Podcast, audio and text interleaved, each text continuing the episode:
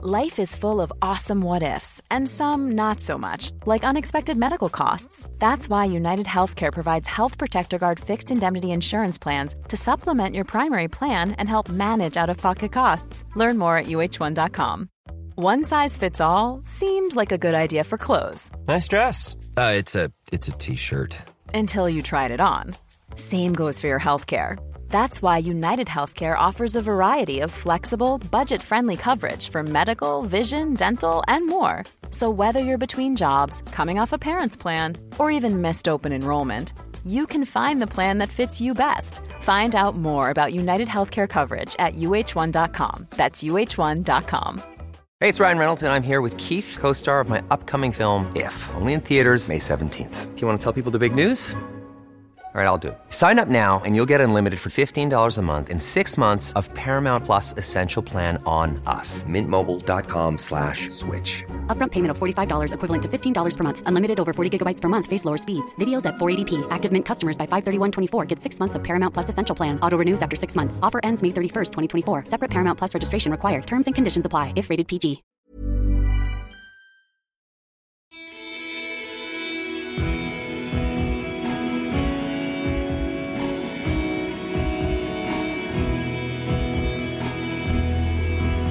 Hei, og velkommen til uh, Kaptare, podkast som spinner rundt eh, løping.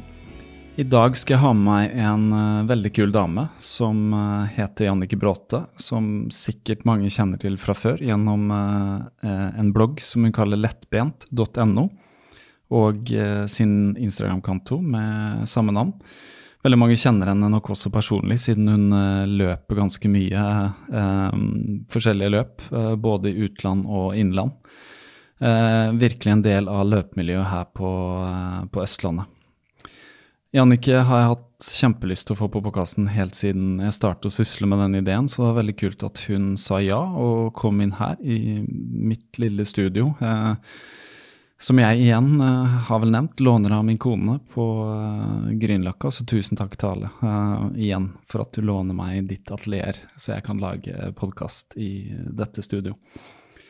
Uh, akkurat nå så er det søndag kveld, og jeg sitter med løpetøy på. Jeg skal ut og løpe en ikke så lang langtur, åtte miles, det er underkant av 13 km. Jeg er midt i mitt eget uh, halvmaratonprogram, eh, uke 6 av 15. Tatt det litt ned denne uka, eller programmet tar det litt ned denne uka, men allikevel så har det vært litt tøft for meg, for jeg har kjent på litt vondter her og der. eh, en liten strekk eh, bak i setemuskelen etter å ha vært litt for ivrig på uh, bakkeintervaller eh, forrige uke. Eh, jeg tror ikke egentlig muskulaturen var helt klar for bakkeintervallet etter å ha løpt så mye flatt og inne på Bislett eh, i vinter. Akkurat eh, det der kan jeg sette på kontoen for eh, uerfarenhet. Og en annen ting er at kanskje man burde varme opp litt ekstra mye før man drar på ettminutts, åtte ettminuttsintervaller oppover. Mm, heldigvis har det sluppet taket, men det førte til at det ble en litt sånn jeg tror når du har en, en liten vondt et sted, så er det lett at det flytter seg et annet sted fordi man løper litt ujevnt. Så jeg har kjent på vondt under hælen og generell stivhet eh, både her og der denne uka, men det virker som ting eh, går seg til. Eh, jeg håper og tror det, i hvert fall. Eh, jeg har aldri vært alvorlig skada, så jeg, jeg, jeg prøver å holde det der. Men så har jeg virkelig aldri pusha veldig lange distanser heller, verken sånn ukentlig, månedlig eller i, enkelte, i enkle løp. Um, så eh, det jeg skal gjøre i dag, er at jeg skal høre intervjuet med Jannicke mens jeg løper. eh, som jeg, jeg har miksa det ut. Eh, jeg har ikke fått hørt på det ennå, bare introen på vei bort her. Og så sjekker jeg om lyden er bra, og sånn, sånn at jeg får eh, fikset på noe som eventuelt må fikses på før jeg gjør ferdig denne podkasten. Så er ideen min at når jeg kommer tilbake fra løpetur, så spiller jeg inn eh, det som blir den lille snutten på slutten av podkasten. Det har jeg ikke gjort før, men jeg tenkte jeg skulle prøve det sånn i dag, så får vi se hvordan det går. Så uten å si noe særlig mer nå, så eh, sier vi eh, velkommen til Jannike Bråte. Tusen takk. Veldig gøy at du har tatt turen inn til storbyen. Ja, veldig gøy å bli invitert også. Ja, det var uh, veldig hyggelig at du svarte. Det ble tekstmelding uh, passiar, faktisk, fram og tilbake. Gjorde det. var litt usikker. Jeg ringte først, og så tenkte jeg er det naturlig å sende en mail nå, eller en tekstmelding? Men så hørte jeg at tekstmeldingen er den nye mailen. Ja. Jeg har, litt, jeg har mista telefonen min, så jeg har litt ah, ja. problemer med den jeg har. Så jeg, er sikkert, jeg fikk sikkert ikke med meg at han hadde ringt engang. Å ja, det kan være for jeg ringte deg uh, sikkert tre ganger, for jeg tenkte at nå kanskje Ja, nei, men Nå sender jeg en melding. Mm. Men veldig kult. Um, jeg har jo fulgt din uh, Eller jeg skal ikke lyve og si jeg har fulgt den, men jeg har lest din blogg. Jeg vet ikke hvor lenge, jeg må tenke etter. Det var faktisk, jeg hadde en idé jeg skulle starte en blogg selv, og så googlet jeg løpeblogg. ja. og da tror jeg din dukket opp. Uh, Jo Nilseng og Andreas Gossner. Det var sånn tre som har skrevet blogg. ja. Um, som jeg leser litt på, det er morsomt. Litt sånn forskjellig måte å se det på. Helt klart. Men du har skrevet i hvor mange år? Åh, ja, når begynte jeg med det? det ja, lenge siden, altså. Jeg tror det var kanskje rundt 2010 eller sånn nå, at jeg begynte. 9-10. Det er en stund, det. Det er lenge. Men Ja. da var det jo fordi jeg ville begynne å løpe. Det var Ja. jo egentlig ikke en ordentlig løpeblogg ennå, da. Nei, ikke sant? Jeg vet ikke om jeg har gått helt tilbake og Men det må, du, det må du fortelle om. Men det første jeg har lyst til å bare si, er eh, at du har vunnet en maraton nylig. Og det er litt sånn gøy, da. Helt vilt. Ja, det er helt vilt. Ja, det er det. Så du må fortelle om det. Eh, Ja, altså, jeg må alltid si at det, er jo, det var ikke et kjempestort løp. Det er ikke som å vinne Paris eller noen av de store greiene, men det, det var stort nok til at det føltes veldig stort for meg der og da. Eh, Og det å ha den muligheten til å ja, kunne si at man har vunnet et maraton, kjenne på det, da, det er mer det, det er eh, heftig. Og det her var jo et lite løp som jeg googla meg fram til. og fant til slutt gjennom Jeg, jeg googla ganske lenge for å finne et løp i Europa i februar. Eh, og så dukket dette opp, og syntes det så litt spennende. Så tenkte jeg ja, da hiver meg på det. Jeg visste ikke noe om det stedet. Jeg fant ut etterpå at det var ett hotell i byen. Da skjønte jeg litt hvor liten den byen var, da. Hvilket løp uh, var det? Det heter Two Rivers Marathon. Eh, ligger her i Saltbommel i Nederland. Som er litt ja, en times togtur syd for Amsterdam omtrent, da. Ja. Eh, og så var det litt senere, et måned senere, tror jeg, jeg snakka med en uh, kamerat på telefon, og så sier han ja, men når det er så lite løp, så kan det hende at du kan få en god plassering. Det hadde ikke jeg tenkt noe særlig på, men da gikk jeg inn og så på tidligere års resultatlister. Det var bare fjerde året de arrangerer i år. Så så jeg at hun som vant i fjor, hun vant på 3.20. Så har jeg en pers som er bedre enn det, men det, er- jeg løper ikke sub 3.20 hver gang, jeg, altså. Nei. Jeg har faktisk nettopp snoka på de Instagram-postene dine, hvor du telte Du teller opp til ja, 50. Til 50, ja. ja. Jeg har- Det var litt gøy, for du hadde lagt inn en liten sånn Paris-maraton, ja. Berlin med tider og litt sånn. Mm. eh, ting du huska og sånn. Um, det kan du fortelle mer om. Men, ja.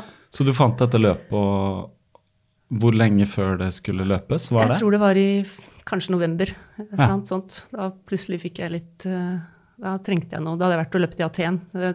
Da er det sånn tid hvor jeg da begynner å kikke på neste år. Jeg hadde holdt tilbake på påmeldinger eh, for 2019 fordi jeg hadde hatt så mye skader i fjor. Eller fjor vår, i hvert fall. Eh, Men når jeg da gikk inn og så denne 3.20-tiden, så tenkte jeg at ah, pall, det kan jo i hvert fall være et mål, da. Så jeg hadde litt tanker om det, men samtidig så Du vet jo aldri Dette vokste jo år for år, det så jeg jo på de eh, resultatene som lå ute, så eh, du vet jo aldri hvem som dukker opp, og hva det egentlig vil si å skulle vinne eller komme på pallen, så det var, var ikke noe jeg egentlig tenkt så mye på. Men hvor mange er det som stiller til start? Eller stilleste i år? Totalt Altså damer så var det litt over 70, tror jeg. Så det var ikke noen kjempe Nei, men allikevel. Men rett Da under 400 du- 400 totalt. Du hadde 69 damer bak deg, det er bra, det. Ja, det er ikke gærent, det. Hva kom nummer to inn på? i Hun var bare et minutt bak meg. Oi. Ja. Ja, var, det, var det en fight, liksom? Nei, eller det, det var jo en fight fordi jeg ikke visste hvem som, om hvor langt bak neste eventuelt. Jeg turte ikke å snu meg, eh, for jeg visste jo at jeg leda. Eh, Det hørte jeg hele veien. Folk ropte det til meg, og 'første dame', liksom. og jeg nøt jo den. Det var jo en utrolig rus, da. Så man, det ga jo masse energi. Ja, det skjønner. Eh, Men jeg turte ikke å se etter om det lå noen bak, eller jeg prøvde å høre etter om noen heia, om det var, om de var liksom bare kjapt etter at jeg hadde passert, at de heia på noen andre, da. Men jeg klarte ikke å fange opp om det var noen annen dame, for det er jo det som telte nå. Var ikke- Selvfølgelig. Ja. Men var det, løp du med en gruppe menn, eller løp du ganske alene, eller hvordan? Ja, det ble ganske alene det meste. Det var en periode jeg løp i en gruppe med menn. eh, For det blåste fælt, da. Så da ble det sånn at man prøvde å holde litt sammen for å ja, kjempe mot vinden sammen. Men, selvfølgelig. eh, men de, når de ikke hadde så mye vind lenger, så økte de tempoet litt. Og jeg lå allerede på Jeg visste at jeg, det var ikke så lurt å øke så mye mer, da. Mm. Jeg visste jo ikke om det kom til å holde uansett. Jeg lå på Jeg hadde jo mål om 3.15 i fem år, eller fem-seks år, før Mm. jeg klarte det. Så, og dette hadde bare vært annen gang hvis jeg hadde klart det her nå. Vis, visste du hva tid du lå an til? Er, no, har, har du sånn, er du så rutinert at du kan se på klokka og vite Jeg ser på, På snittfarten, da. Ja, du ser på snittfarten, ikke sant? Det Så er jeg, det følger. så Ja. kilometerpasseringen, og så hadde jeg jeg hadde med et sånt eh, wristband, eh, sånn bånd du har på armen, på 315, som jeg kjøpte en gang for mange mange år siden. Aha. Men før jeg dro fra hotellet den morgenen, så bare Nei, vet du hva, det, det kommer ikke til å gå. Det, det, jeg hadde ikke noe tro på det da. Men jeg, så tok jeg likevel og sjekka mellomtiden på halv. Mm. Eh, og tenkte at den skal jeg huske. Og det var, er vel en hva blir det? 1.37,30 eller noe sånt nå, tror jeg det er, Ja. på halvmaraton. Hvis du nøyaktig, ja, Mm. det kan stemme. Og så når jeg passerte halvmaraton i løpet, så var jeg 1.37,20. Mm. Så var det rimelig on target. Men var det, er det en loop, eller? Er det en, Det er én stor runde, ja. en stor runde? En stor runde. Ja. Det er jo Og så hadde de også duomaraton, så man kunne være to som delte på distansen. Så de hadde vekslingspunkt ved halv. Mm -hmm. Så der var det jo masse musikk og speaker som ropte da på da. Og så var det første gang jeg følte liksom at jeg ordentlig fikk bekrefta at jeg var ledende dame. da. Det Du leda allerede ved halv? Jeg er etter seks-sju, tror jeg. Ah, ok. Så det var stort sett hele løpet, da. Og da ropte de opp navn og alt mulig. ikke sant? Og masse jubel. fordi der sto det jo masse og venta på veksling med sine halm, eh, de som skulle komme og veksle med dem. da. Ja, ikke sant. Altså det var, eh, og da visste jeg jo at jeg lå i rute for 3.15 og tenkte at å, det hadde vært kult å klare 3.15 en gang til under det. For det har vært én gang, da. Ja, i Berlin i fjor da, løp Ja. jeg 3.11. Så det var, eh, og da, men da løp jeg, hadde en liten sånn greie også om at da løp jeg med de her eh, superskoene fra Nike. vet du. Ah, ja. Så er det sånn, eh, Hvor mye får du gratis fra de? da? Så hadde, for nå brukte jeg ikke de. Så tenkte jeg eh, det hadde vært så kult å klare det en gang til, og så ikke med Ja. de skoene. ja. Eh, og jeg, jeg tror fortsatt at jeg hadde klart det, hadde ikke vært for at jeg fikk veldig motvind de siste åtte kilometerne. Da hadde jeg midt imot, og det var, det var en kamp. Det er en kamp hvor ja, så jeg kan tenke meg at du mister sikkert 10-20 sekunder på en kilometer. Ja, Og det tok også mentalt også, så ble Ja, det tøft. altså. Det er bare tøft. Du må gi ja, det, hadde, du har mest lyst til å gå. Du- ja, ja, ja. I tillegg til at du har en vegg fra før, så blir den jo litt tyngre. Jeg har bare én maratonerfaring, men jeg har jo kjent den, eh, den eh, slutten. Den er eh, som regel litt tøff. Det var jo Ja, men så kult. Så da var det sånn premieutdeling og Ja, ja. Og du kommer jo i mål av det, bare det å komme ned den siste liksom, vendingen når du ser målportalen. da. ja. Eh, og du hører at du blir ropt opp, og nå var det jo ikke noe, igjen, det var jo ikke noe kjempestor greie, men det var jo publikum langs eh, oppløpet der, og de jubler jo, fordi det blir jo første dame kommer, Ja, ja, ja. liksom, og du blir tatt imot, og du, alle kaster seg over deg, det var jo seiersintervju med en gang. Oi, yes. Du har jo ikke pust, jeg, fikk jo ikke luft til å snakke omtrent, ikke sant, men bare, du må bare være til stede og ja, ja, ja. oppleve det mens Men du var, står du i det. Men du tok en skikkelig ut, da, kan jeg tenke meg.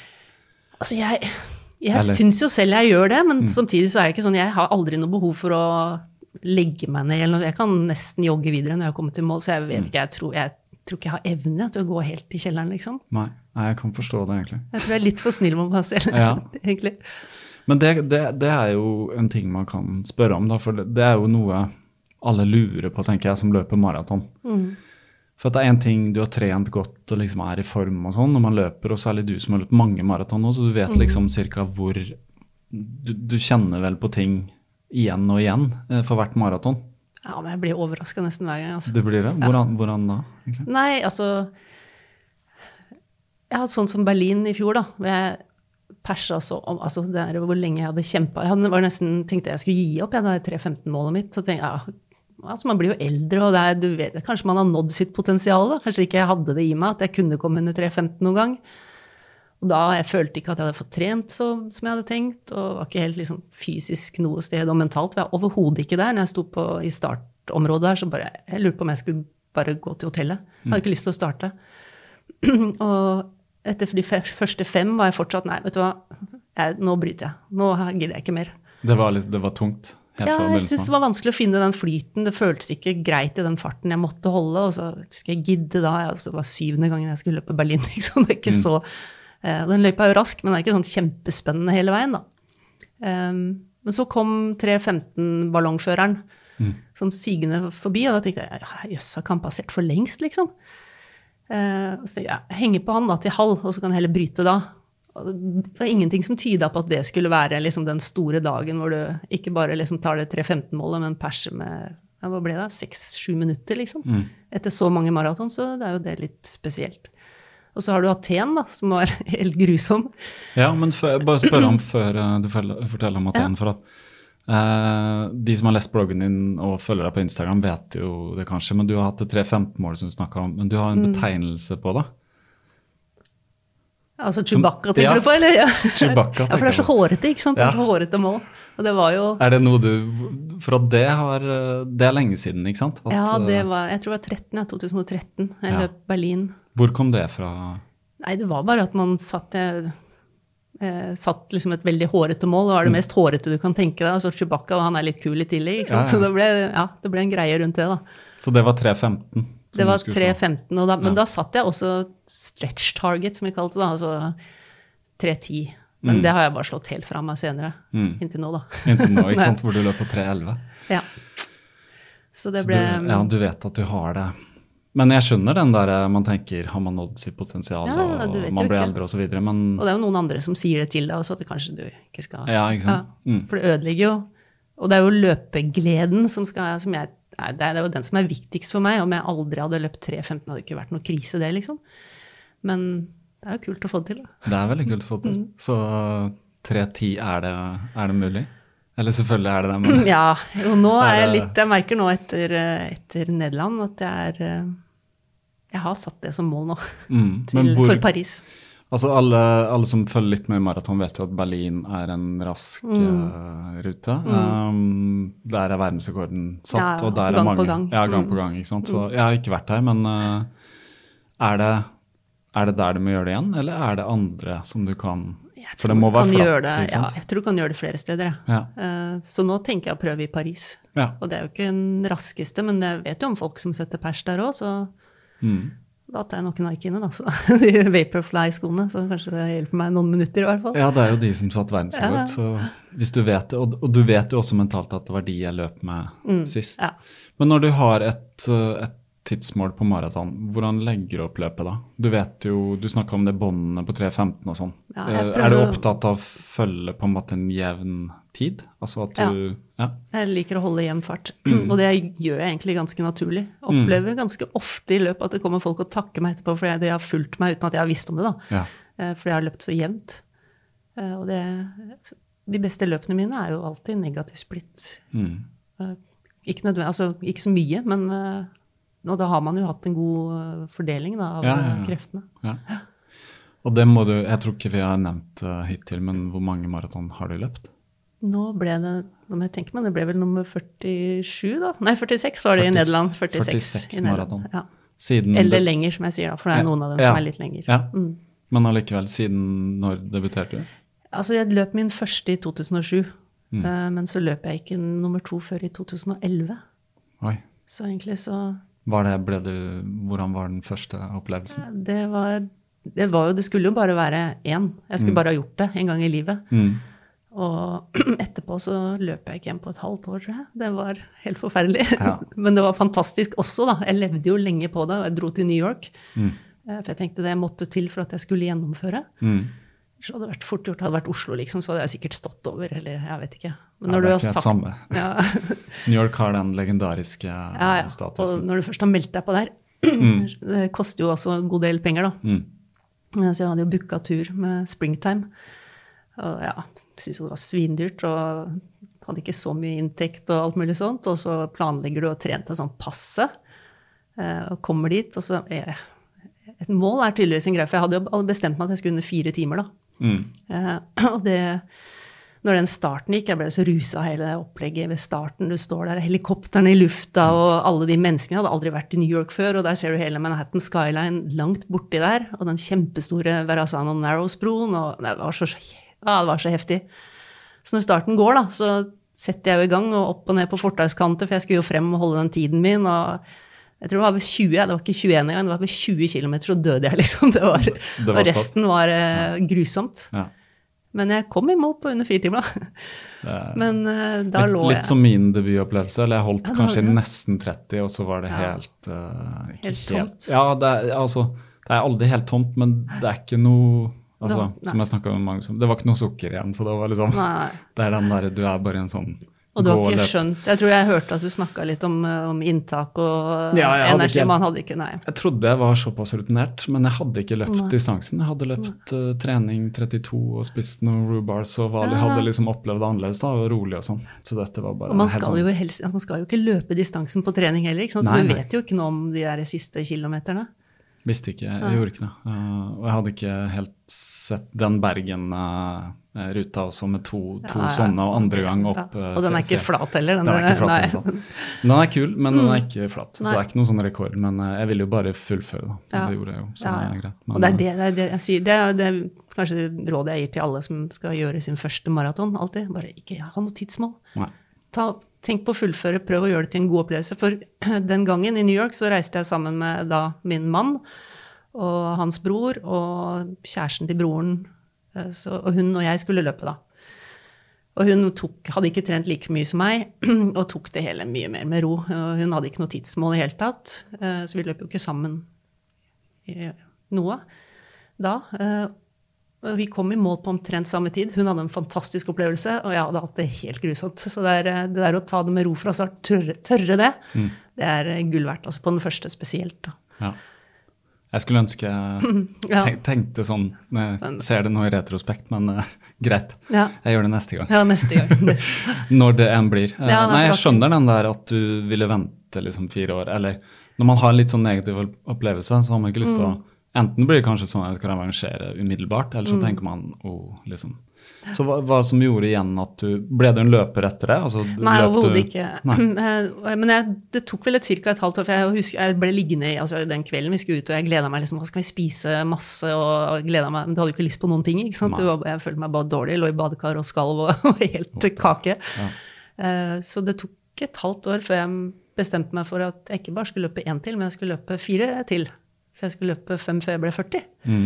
Jeg vet ikke helt hvor den logikken kom fra, men uh, Midtlivskriseangsten. ja, det var eh, nok, det lå nok der. Og så hadde jeg en så veldig behov for å finne, jeg vet ikke, finne meg sjæl eller eh, Mm.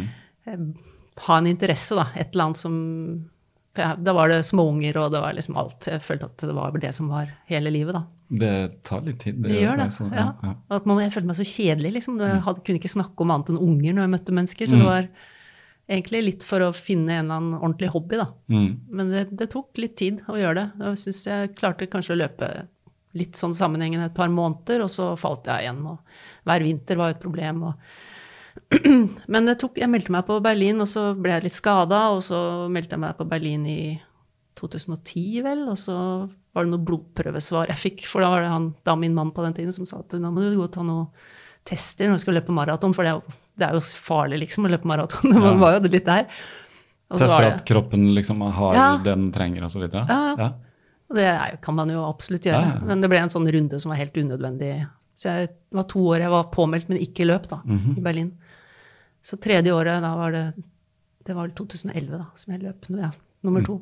Men var det noe, fikk du noe svar at det var noe sykdom, eller noe sånt? Var det noe Nei, det var bare noe som er sånn standard avvik hos meg. Det, Ja, det var ikke ja. noe farlig, men jo, det var jo et år med masse undersøkelser og tester og sånt. Hvor de går liksom dypere inn for å Ja. finne ja, Det er kanskje litt sånn helsevesenet funker, at hvis de finner noe, så vil de liksom Jeg har hørt det med venner og skal utredes. Ja, det skal utredes. det ikke sant. ikke sant? Jeg husker jeg da spurte, for jeg fikk vite om det tre-fire dager før Berlin Maraton, Mm. året jeg skulle, ja, 2010 da. Mm. Og så, ringte, altså spurte jeg, du, jo, for de, de sa at ja, du skal egentlig ikke anstrenge deg med de blodverdiene her. Okay. Og jeg da spør, jeg skal løpe maraton på søndag, er det? Ja, det anstrenge seg? Og de svarte, og det var jo svaret var jo det beste, hvor vi bare, det må jeg undersøke litt. jeg tror ikke de visste hva det var for noe engang, altså. Men det var litt deilig da. Men det, det, det er egentlig et veldig godt spørsmål. Liksom, er maraton å anstrenge seg? Eh, Jeg vil påstå at det er litt det. Jeg vil, jeg vil vel si meg enig. Ja. Men det er jo ikke, ikke bare altså, Skal du løpe maraton, og det har vel du fått erfare, så skal du trene ganske mye. Ja. Så, så hva, hva er det som driver deg til å trene? Er, er det disse altså Alle vet jo, vi snakker om vinteren og sånn, det er Mm. ikke så morsomt i Norge om vinteren. Det er jo helst som man sitter inne i peisen og drikker Ja. rødvin og ser TV eller bare whatever, egentlig. Eh, men så løper man på Bislett, og så løper man i snøen, og så pigger man sko, og Ja. jeg vet ikke hva man gjør, egentlig. Ja. Møller og alt mulig vi finner på. mulig. Ja. Men uh, hva er det som ikke sant, Alle har jo litt sånn tøffe stunder. Mm. Uh, desember, januar, februar. Hva, hva er det som gjør at du går ut annenhver dag eller hver dag, eller? Nå så er det Altså nå er jeg blitt avhengig, da. Så Mm. det, Ja, det er det. Ja, det, nå er det altså jeg merker hvis det går to-tre dager uten å ha tatt en løptur, så det er ikke bra for hodet mitt. Nei. Nei. Det er jo litt man, terapi, eh, det òg. Man har jo eh, Det er man mye får, terapi. Ja, man får løst mye sånn jobbgreier og Ja, ja, ja. annet gruff. Ja, man tenker. Man tenker mye Ja, på veldig løptur. deilig. Ja. Så er det, jeg hører jo på podkaster en del, og av og til det beste kan være bare å løpe og ikke ha på noe lyd i hele tatt. Drømme seg litt bort. Og. Jeg er jo veldig glad i de lange, rolige turene òg, for da ja, la hodet bare sveve. Har du noen fine runder, liksom? Du bor i Ski? Ja, jeg bor i ski. Ja, så det er masse runder jeg kan løpe. Mm. Det har vært utfordrende nå med all snø og is, det må jeg si. Det er ikke, ja, jeg er er ikke glad i denne den årstiden her. Men klarer du å unngå veier og sånn? Altså, er det stier og jeg prøver å oppsøke veier, jeg, da. Eh, Altså landevei? ja, nei, men jeg, Kanskje ikke så mye trafikk der? Eh, nei, det er det, og jeg er jo jeg er litt sånn A-menneske, da. Så jeg Ja. kan løpe før de bilene, biltrafikken kommer som verst. Og da, er- nei, ofte så er det bart og fint på veiene, men helt Ja. håpløst på fortau og gangvei og stier og sånn. Så du løper tidlig? Tidlig om morgenen? Ja, ofte. Ja. Mm. Jeg må innrømme at jeg har sett uh, noen ganger på Strava 540 Ja da. Hæ? 540? 4,50. og- Ja, det er, eh, jeg, men det er, jeg våkner. Altså det, er, eh, det er ikke fordi jeg har på klokke. Nei, nei. Nei, det er bare at jeg våkner, og så ja, da kan du like Men trenger du mindre søvn nå enn kanskje? Enn, uh, har du funnet ut hva idealet er? Sånn i ja, det er, timer? ja, det er mange som sier at du alle trenger sju-åtte timer, er ikke det? Mm. Eh, Men uh, det blir sjelden så mye, da. Men jeg føler jo at det går ganske greit. Ja, men det er litt forskjell på oss. Ja. Jeg, jeg mener det, men det er jo noen som mener at det ikke er det. Men jeg vil påstå det. Jeg kan klare meg med Hvis jeg får seks timer, så er jeg fornøyd, stort sett. Da ja. kan jeg klare meg. Ja. Nei, jeg, jeg er litt der. Jeg har eh, sånn litt i underkant av seks kan jeg våkne av meg selv, eller jeg kan sove syv og pluss litt. Altså Mm. Ja. syv og en halv nærmere. Nesten aldri mer enn det. Ja, du gjør ikke det, du heller? Nei. Så hvis jeg legger meg elleve, sånn som typisk siste dagene Mm. Når ikke, altså Jeg har en datter på seks som kommer inn til oss noen ganger. Litt i perioder. egentlig. Det er litt sånn hvis det er drømming og sånn. Da blir man litt sånn ikke sant, Man kan Mm, ja. sovne, sove litt lenger og sånn. Men hvis ingen vekker meg, så sover jeg ca. syv timer. Så i dag våkna jeg kvart over seks. Og da var jeg sånn Da vet jeg ikke får sove igjen. Ja. Men jeg klarer ikke å gå ut og løpe.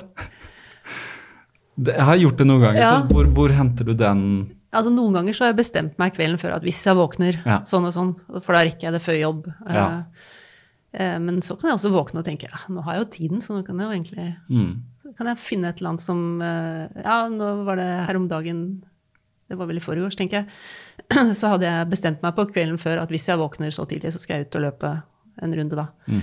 Eh, Og når jeg våkna på morgenen, så hadde ikke jeg altså Det er ikke det første du tenker på at når du slår opp øynene at å, nå har jeg lyst til å stikke ut og løpe. Nei, og da var jeg litt sånn i negativ modus. Og så tenkte jeg ja, men jeg har jo den podkasten, det var vel den eh, Sånn er du med Harald Eia og Ah, ja, ja. og Atle Anton, de hadde Atle Antonsen på besøk. Og ja, men den har jeg lyst til. Ok, Og så var det egentlig nok til at jeg da hoppa opp. Det er en god motivasjon Ja, hvis det er en bra For da hadde jeg spart på den til det. ja, ja. Eh, og det funker Og de er kjempebra. morsomme òg, da. Ja, ja. Ja. Og den varer såpass lenge at det holder hele turen. ikke sant? Mm. Så det, men det kan være forskjellige ting som, som får, Noen ganger så følger jeg et program, og da kan det være nok til at det trigges. Ja. Jeg kjenner den. Jeg ser, Hvis det står noe på blokka for meg, Mm. eh, så er det veldig sånn Da må jeg bare liksom lage meg et rom til det. Ja, Eh, ja. Og så er det og det å ikke jo... tenke så mye, da. ja. Bare gjør det. ja. Og så har du på en måte gjort det tidlig, så er det sånn deilig, for da er jeg ferdig med det. Du trenger ikke tenke på noe resten av dagen. Så kan du fokusere på hva enn jobb eller Ja, hva som helst. du er litt sånn ekstra happy, heller, for du vet Ja. at du har gjort det. og Jeg syns det kan være mye tyngre å ta på seg løpeskoene og stikke ut etter jobb når jeg kommer hjem. Ja. Det, men det er det. Altså, I hvert fall nå som det er mørkt. Ja, altså når du har brukt altså Selv om du ikke har vært fysisk aktiv i løpet av en Mm. Dag, og bare bruke hodet masse og dialog og med folk og løse oppgaver og holde på, holde på det, Jeg leste jo den Jeg har nevnt her på podkasten en, en bok som heter 'Endurance'. Mm. Eh, av en fyr som heter Alex Hutchinson. Har du lest han? Jeg, husker, jeg kjenner igjen navnet, jeg har ikke lest den. Han er tidligere løper, men han uh, går ganske langt inn i forskningen. Så han er med på noe sånn forskningsprosjekt hvor man, hvor man må gjøre sånne veldig uh, repetitive, kjedelige kognitive oppgaver på en datamaskin i én time før han går ut og løper. Okay. Og da sier han at han er helt mentalt utslitt når han går og løper. Så da, men det er for å teste om du blir en bedre løper av å løpe når du egentlig er sliten mentalt. Da. Men det er ikke noe sånn svar på det foreløpig. ikke med noe, nei, okay. Nei, ikke noe sånn Det er noen som forsker på det, ikke Mm. så mange. Men, øh, men det kan tyde på at øh, hvis du løper etter du på en måte har gjort noe veldig slitsomt, så blir du sterkere. altså Mm, ja, på en måte mentalt. Og så er det jo godt når du kommer deg ut. altså Hvis du Ja, ja. bare klarer å over, altså, komme over den terskelen. da. Det er veldig sjelden at man løper og tenker «Åh, liksom, er Grusomt og sånn. Men det kan noen ganger for min del, jeg vet ikke hvordan du opplever men det må gå liksom 15-20 minutter og bli varm før Ja. du liksom Ja, ja. Før det føler at motoren liksom Ja, er i gang. helt klart. Det er kanskje sånn på maraton noen ganger òg, eller? Når Ja, jeg pleier å tenke at de første fem-seks kilometerne, først etter da, som jeg egentlig kan kjenne etter hvordan dagsformen er, da. mm, Du må komme i gang. Jeg varmer jo ikke opp før et maraton. Du gjør ikke det? Nei. Nei. Hopper litt på sted, liksom, liksom for syns Ja, skyld, ja. men ikke noe Jeg har alltid lurt litt på det der, og så er det liksom Magnus sa vel noe om det med sin debut på et eller annet løp. Han så de andre varme opp og lurte på hvorfor gjør de det. ja. Og det kan jeg skjønne, for noen ganger så det en gang jeg løp sentrumsløpet, så så jeg liksom menn som sprinta. Ja. Det er liksom sånne drag, og det er bare shit, liksom. Ja, man blir jeg- litt nervøs, ikke sant? Ja, så gjør det sjøl bare sånn- fordi alle andre gjør det. Ja, men det er kanskje jo fortere du skal løpe, da. Så, Ja, ja og for uh, raske, altså 10 km og sånn, så vil jeg jo varme opp ja, for å få i gang. For da er det såpass høyt tempo. ja. Men når man begynner, altså, begynner på Hvilken fart holder du når du løper på Altså, hva, hva er liksom ditt sånn modus? For maraton eller for Ja, for maraton når du går ut. Hva er den der idealtiden på 3.15? Hva, hva er snittida da? Det er 4.37. 4.37? Det er- Jeg syns det er fort. Ja, men det er jo det. Så Ja, det er fort. Altså. mm, Det er sånn, det er sånn halvmaratontid for meg, da. Ja. Ja. det er, det, Det er litt sånn stress du skal ha den farta Ja. allerede den første kilometeren. Men så blir det jo, jo, men første kilometer er egentlig grei, syns jeg, for der er det så mye, altså det er så mye adrenalin, ikke sant. Ja. Og alle drar jo ut. Jeg, I starten syns jeg ofte at jeg må følge med på klokka for å ikke løpe for fort. Ja. Du kan fort For du blir så ivrig, du blir dratt med, ikke sant. 4-25 fart, Ja. liksom. Så- Og nå starter jeg jo, det er, jo sånn Siden man har løpt noen løp på ganske grei tid, så får jeg alltid jeg får stille opp ganske langt frem, da. Ja, ja. Uh, og da er det jo høy fart på mange av de som starter der. Liksom. Er det sånn, I de store maratonene er det sånn at du må ha løpt en viss tid? Ja, for å bli sida Ja, fram og stå. Ja. Det skjønner jeg jo. Ellers så kunne jo på en måte alle bare valgt. Sånn som du gjør i Oslo, så velger du vel ja, der er det ganske fritt. Altså, du får Ja. vel tildelt en pulje, men det er ikke noe kontroll på det. Altså. I de store løpene så sjekker de jo startnummeret ditt, at, du er, at det er riktig. Det står vel en bokstav eller et tall. Ja, ikke sant. Så Så, i Berlin ikke- så må du Ja. ja. Og sånn bør det være. Ja. Eh, Men det er også det er en fordel for løperen selv også, for du vil jo helst starte sammen med folk som skal løpe omtrent samme som deg, da. Og så vet du at de du løper med, på en måte er rutinert, så kanskje Ja, ja, her kan de jo går håpe det, i hvert fall. Ja. ja de går ut Skjebnesvangert å henge seg på feil person. Ja, ikke sant? Gjør du det noen ganger, eller henger det på en Nei. rygg? Nei. Nei, jeg, og jeg pleier ikke å bruke fartsholdere heller. Nei. Jeg, synes, jeg stoler ikke på dem. Jeg stoler bare på meg selv. Ja, det kan jo gå gærent med Ja, ja, det kan det. Og de ofte så, og det var jo det, det var jo egentlig takknemlig for det i Berlin, da, for da hang jeg og tenkte jeg skal henge på han derre 315-fyren, da. Mm. Og så så jeg jo etter tid at han løp jo for fort. Mm. Så tenkte jeg herregud, stakkars de folka som henger med her, liksom, de kommer jo til å gå på en smell, liksom. Det her er jo klassisk. Det er, Ja. er ikke bra. Og så etter 15 så var det som enda Hadde vi tatt inn ja, og halv, så var det enda mer. Så jeg begynte å regne da, at ja, hvis vi- løper på det her, så er vi inne Det er ikke 3.15, de er jo inne på 3.13, liksom. Oi. Og det var det som trigga meg da. Det var 3.13? Å, Ikke 3.15. Jeg kan klare 3.30, for da følte jeg meg helt fin. Hvor lenge hang du altså, Nei, altså, jeg tvang meg selv til å ikke løpe forbi han. mm. Uh, og det er egentlig det jeg har gjort et par-tre par, ganger med fartsholdere, at jeg ikke får lov til å løpe forbi dem før 30, for eksempel. Mm. Og selve 30, så jeg skal vente til 35, for det er fortsatt liksom Mm. Men da klarte jeg ikke, da stakk jeg.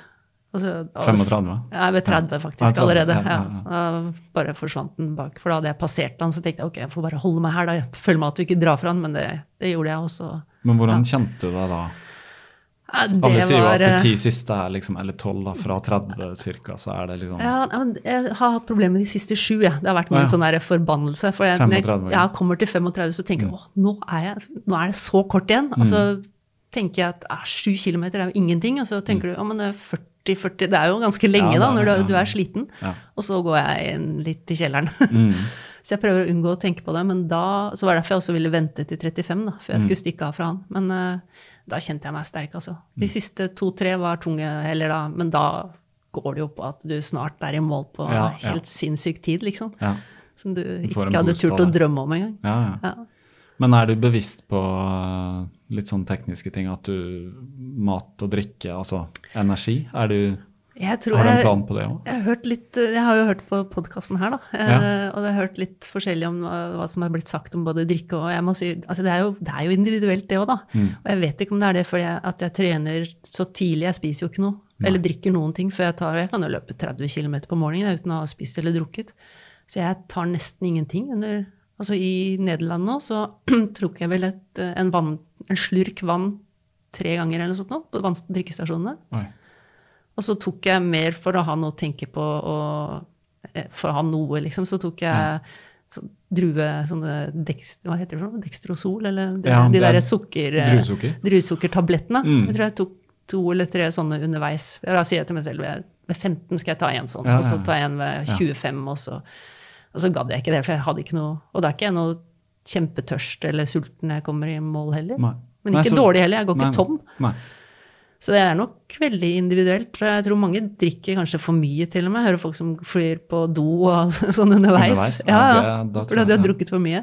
Det står litt om det i den boka òg, den uh, endurance, fordi Mm. jeg har testa, og det viser seg at det virker ikke som det har så mye å si at du tar inn så veldig mye væske under et løp. Nei, Så lenge du er på en måte hydrert når Ja. du starter, og passer på å fylle på igjen. Ja. Ja, det jeg gjorde eh, nå, som jeg har begynt med de siste gangene, er å sluke en sånn eh, Få i meg i hvert fall noe sånn smaker jo forferdelig, men sånn rødbetjuice. Ah, ja. Eh, Halvtimes tid før løpet. ja, jeg har hørt Ja. uh, også den. Uh, jeg, jeg, gå- ja. har drukket på det. Det er visst noe med nitrat. Ja, det skal åpne sånn at du får mer oksygen. Men jeg har Mm. Ja. også hørt at du hvis du er veltrent, da, Ja. eh, så har du egentlig ikke noe å hente der. Da er liksom det potensialet tatt ut fra før. Mm. Så jeg vet ikke. Men det er placebo, da. Det er ikke det Nei, men det er, så, sånn rent vitenskapelig tror jeg det er det, det nitratet, eller det er et eller Mm. annet men For at når vi puster, så trenger vi litt nitrogen. Så det er et eller annet som gjør at du trenger Men jeg har hørt også, eller jeg har lest en bok hvor puster du med nesen, så får du mer nitrogen inn enn hvis du puster gjennom munnen. Ha. Så jeg øver mye på å Ja, puste jeg med nesen. Men eh, det funker bare opp til et visst Altså, når, eh, når virkelig hjertet begynner å slå, så må du på en Mm. måte munnen. Altså, det handler litt om Men du kan trene deg til å puste litt mindre. Ja. Men det er mye. Altså, Ja, det er men det er mye. som du sier, Ja. det er også veldig individuelt, og det er kanskje veldig viktig å bare finne det som funker Ja. for en selv. Men jeg, jeg har veldig tro på det her at du sier at du står opp om morgenen og løper uten å spise. Jeg er litt sånn motsatt. Jeg må ha litt kaffe og Mm. Ja. dadler. Ja, dadler. Ja, men det skal være veldig bra, da. Jeg spiser dadler fordi, uh, fordi det er godt og søtt og sånn, men Mm. å få- så da får jeg blodsukker opp veldig fort, og så blir jeg litt sånn gira av det.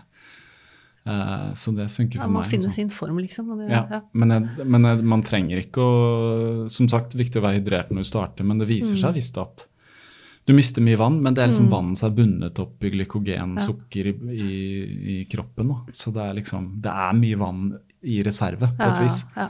Men du kan miste noen kilo under et løp. Ja, men det det, er ikke noe farlig, liksom. Ja, Altså, så er det jo forskjell hvor mye folk svetter òg, tenker jeg. ja.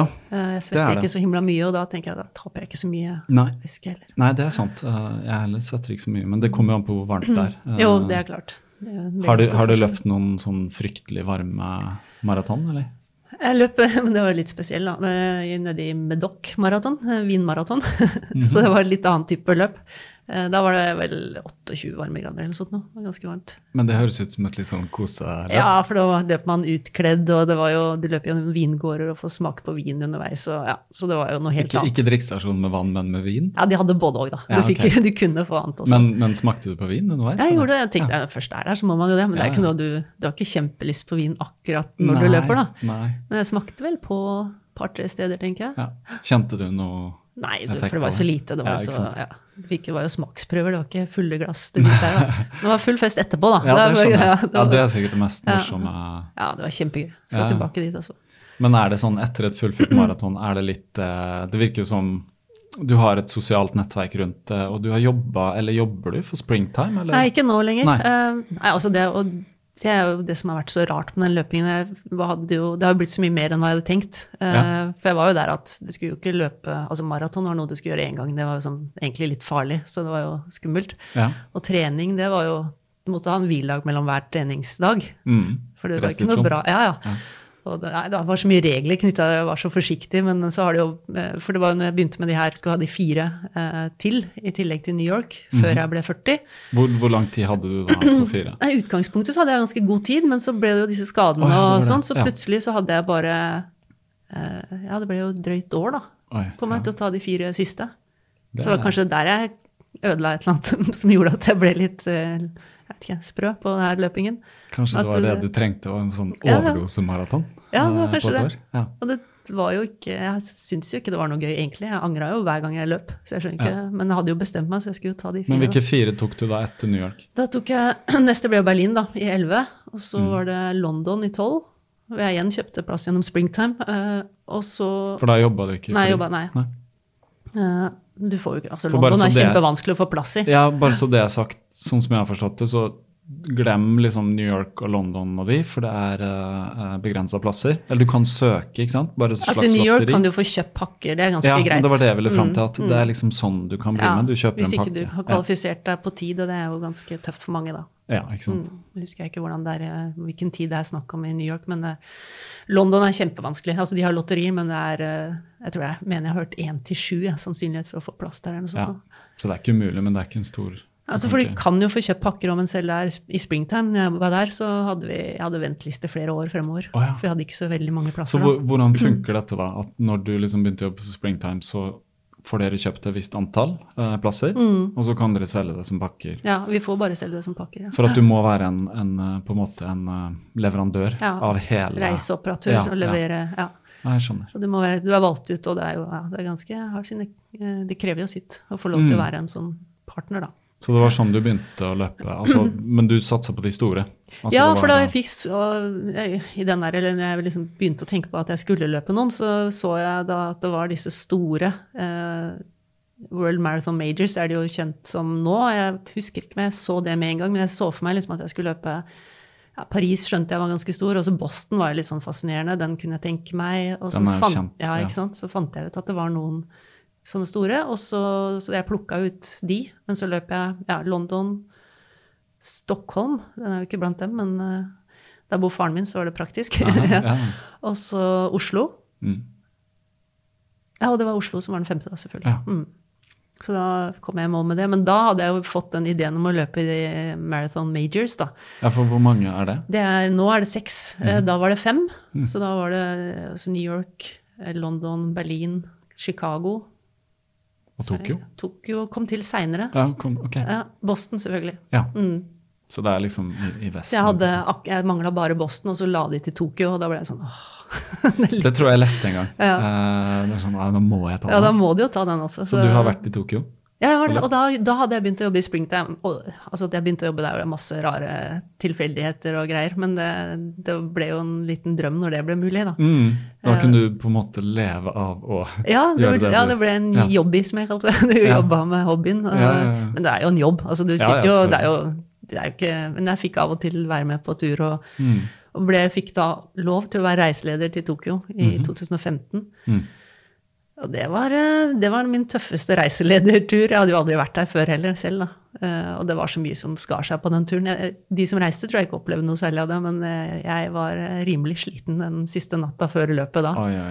Ja, så jeg så hadde da- egentlig ikke lyst til å løpe i hele tatt, men så Nei. var det jo den sjette majoren, liksom. Du måtte. Jeg måtte. Og det var, jeg var veldig glad i medaljer, men det var før den medaljen hadde kommet. Så den, jeg skulle bare ha et sertifikat sertifikatet da, som du kunne få kjøpt. Eller nei, du fikk det vel. Mhm. Men det måtte du bestille du på hadde- nett etterpå, da. Når du hadde løpt alle majors, så fikk Mm, du et sertifikat? kunne du få et sertifikat Ja. med signatur fra alle løpslederne. Aha, Da. ja. Og det var det som trigga meg. Og så kom jo den medaljen da, ca. et halvt år etterpå. Og da fikk vi som hadde gjort det fra før, det var ikke så mange da, Nei. vi fikk mail om at vi kunne sende mail og, og søke om å få ja, den. å ja. Mm. Så da gjorde jeg jo det. Ja, ja, selvfølgelig. selvfølgelig. Ja.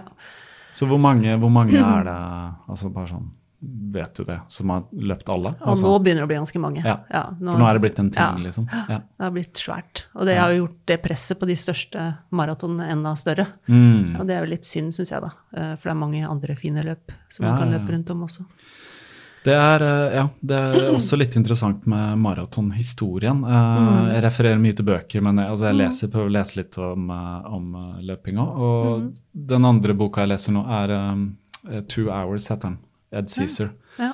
Den kan jeg anbefale til deg, ja. for den handler, han tar for seg veldig maratonhistorien. Mm. Altså helt fra Aten, Ja. eh, hele den myten, ikke sant. Mm. Uh, men så er det jo litt sånn eh, Hva er det egentlig som Hvordan ble den brukt og sånn? Men i hvert fall fra 1896 maraton i uh, Eller olympiske leker i Mm. Aten, så var det på en måte den første olympiske maraton. Og det er ganske mange gøye historier der, Ja, faktisk. Men det jeg ser, er at, eller sånn som han forklarer det, er at det er først det siste liksom nesten 10-15 åra at det har virkelig fått en sånn At det har er blitt kjempestort, liksom. Ja. Og ikke bare for vanlige, men hvordan på en måte de store løperne stiller bare til start ved liksom store sign-on fees, eller at de får liksom 100 000 dollar og Ja. 50 000 for å sette rekord, og 30 000 kanskje for en eh, course record, hva heter det? Løp, ja, Løperekord, ikke Mm. sant? og så pluss skoavtaler osv. Så, videre. så det er blitt gigantisk. da. Eh, mye penger. Men da er de selvfølgelig også avhengig av at vanlige mennesker betaler Mm. Gilde. Ja. Altså, så det er blitt litt sånn. da. Mm. Har, er det noe du har tenkt på, eller du er litt klar over, kanskje? Siden Ja, altså, jeg har i- hørt Det er jo noen som mener at uh, hvorfor skal de altså, vi treige, eller de, Mm. ja, altså hvorfor skal man ha med bermen i disse løpene? Altså, for det er jo egentlig ikke altså, Når du har grense på I New York er det vel seks og en halv, sju timer. Altså, Mm. Man syns det kanskje ikke er å løpe et maraton og fullføre på en sånn tid, da. Her kan Enkelte. nesten gå fort. Ja, ja. ja, nesten. Det, Men jeg syns jo det bare er positivt. altså, folkehelse. Hvis folk syns at det, Ja. Da blir jo terskelen mye lavere. ja, ja, egentlig, og hvis man trener til det, altså det må jo være positivt for og Det Mm. plager jo ikke de foran de som ligger helt i tet heller. Så hva på, altså de, ja, som de du sier, det er jo penger. de-. Det er penger inn til arrangementet, da. Og de betaler ganske mye også Mm, til New York, mm. faktisk by. eh, Ja. Eller New York State. Da. Eh, for at det er ganske mye politi og Ja, mye er apparat som er i sving for å stenge. der, liksom. ja. ja. Og særlig sånn som det har blitt da etter Boston og Ja. terrorangrep. Ja, nei, det var jo veldig Jeg var faktisk der, i Ja, Boston. det vil Mm. jeg spørre om, for jeg leste mm. nå på den ja. Hvordan opplevde du det? Altså, jeg hadde jo kommet i mål, eh, Ja. så jeg var eh, på vei til hotellet. Mm. Um, jeg var ja, luftlinje kanskje en kilometer unna. Uh, og så var jeg så du hørte at Ja, ja. ja. Uh, da, da min mann på den tiden igjen, som var med, han ja, sto liksom i parken der, ikke så langt unna, skulle ta et bilde. Jeg var utrolig sliten. Forferdelig. Jeg sliter med den løypa i Boston, altså. Men Den er eh, mye opp og ned? ja, det er bakker. De Ja. kommer så seint. De kommer på feil tid, da. Ja, ja, ja. Og det er, ja. Eh, Men uh, står der og skal ta bilde, og så smeller det skikkelig. Og så ja, hva var det for noe? spør han, da. Mm. Det er sikkert noe fyrverkeri eller noe sånt noe. Eh, Må jo være noe Det var jo målgangen var jo ikke langt unna. Vi så ikke ned akkurat den gata, vi så ned parallellgata. Mm. Um, og så går det ikke så lang tid før det smeller en gang til. Mm. Og da bare Er det en bombe, eller? sier han. Og det er liksom, Nei, det kan ikke være det. Det var liksom for uvirkelig, da. Mm. Men så begynte det å komme sirener. Og da ok, vi kommer oss til hotellet. Ja, Det var, eh, og da var det jo Vi var ikke der veldig lenge før de banka på døra eh, fra hotellet og spurte om vi var der, om vi visste om andre, om vi hadde kontakt med andre vi kjente, og, og ba oss om å bare bli på hotellet, ikke gå ut. Mm. Så det var, det, det var jo selvfølgelig ganske ubehagelig. Um, Du vet jo ikke hva som har skjedd på det tidspunktet? Nei, så- det også hadde i tillegg, det var jo tilfeldig, men det var på Presidential Library, så hadde blitt en, det hadde smelt der også, da, og blitt en liten brann, men det viste seg senere å bare være en sånn elektrisk oh, ja. eh, greie. Ja. Men så da var det plutselig flere punkter i byen, da. Oh, ja. Og da ble du litt usikker, er dette liksom et eh, større angrep, Mm. eller hva? Ja. ja, det er usikkerheten som er verst. Ja, så jeg føler at jeg opplevde det veldig fra TV-skjermen, egentlig. At jeg, ja, så det føltes ikke nærmere enn det. Nei. Nei. Nei. Og så ble jeg oppringt av eh, NRK Kveldsnytt, da, så jeg var på oh, ja. der eh, veldig kjapt. Som jeg var veldig glad for etterpå, for da fikk jeg jo bare masse tekstmeldinger fra folk jeg kjente med at de hadde hørt det og var så glad for at alt Ja, var i orden. da. ja. Så man slapp liksom å sitte og håndtere det. Ja. Men da, da ble det jo en del telefoner fra media. Ja, ja, for da har man jo vært utpå. Selvfølgelig. Mm. Nei, men det er godt at ikke ja. Det er, men det er sånn med sikkerhet og sånn nå, så er det jo Mm. blitt helt, i hvert fall eh, Ja, er- London, Berlin, alle. Men jeg har aldri tenkt på, jeg har aldri vært bekymra etterpå heller. Altså jeg har jo tenkt tanken at hvis noen liksom virkelig vil, så når du står ute på, ja, i New York da, alle Ja. de 40 000-50 000 menneskene, ja, hvor mange er det som på- starter? Uh, jeg tror det er 50, 50 000 Ja. som starter, og så er det vel, jeg tror de har, det er snakk om at det er kanskje 1000 som ikke fullfører eller noe sånt nå, av de 50 000 i Mm. Ja, New York. ja. Det er jo helt spesielt. Ja, det er det. Men det er fordi, det er altså den, skal man løpe én, så er det New York. Det er Ja, ingen tvil om. Jeg har lyst til det. det kanskje. Altså, Ja. hvem vet. Uh, Ja.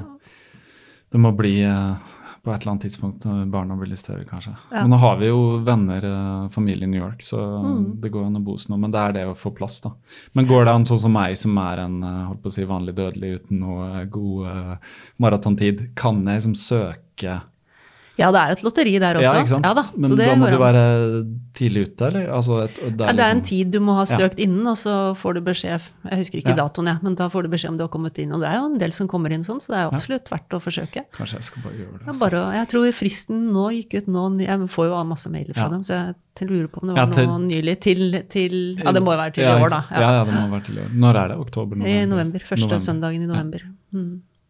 Ja, vi får se. Jeg har ikke bestemt meg når jeg skal løpe mitt neste. Jeg, skrev til Magnus Toro på tekst at kanskje For han sa ja, du må bare si fra løpe langturer og skal pushe seg forbi maraton. Ja, og kom opp ja. og vil ha inn ultraverdenen. Ja.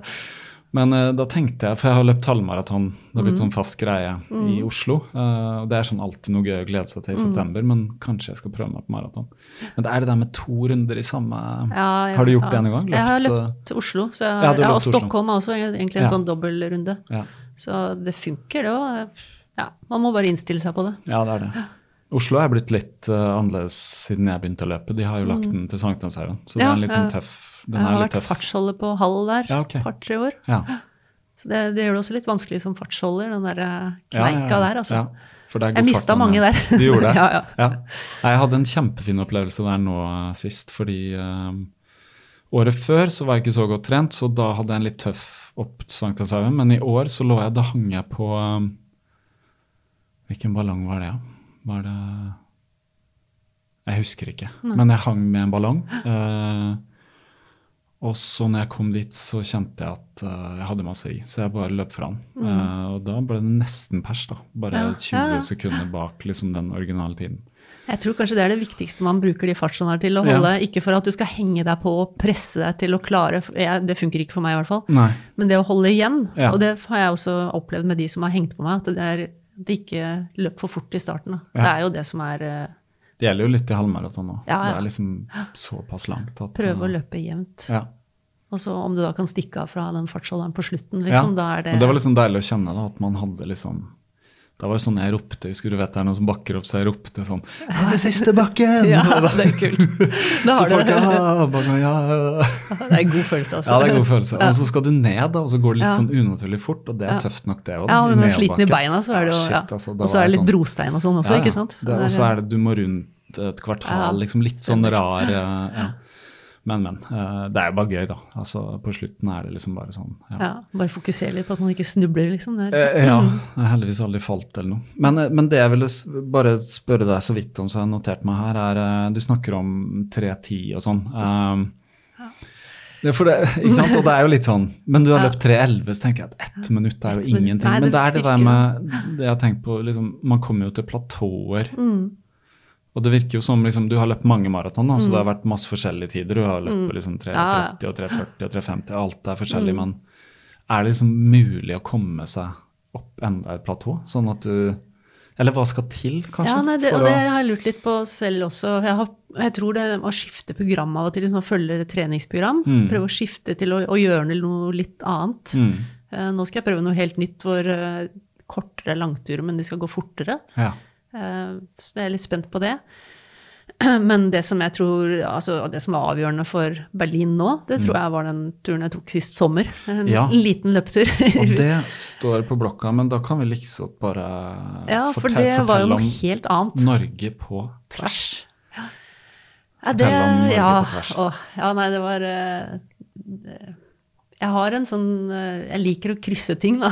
Broer eller Alltid eh, drømt om å løpe fra A til B. eh, etter at jeg begynte å løpe, da. Ja. Um, så jeg hadde en løpetur med en venninne for noen år siden.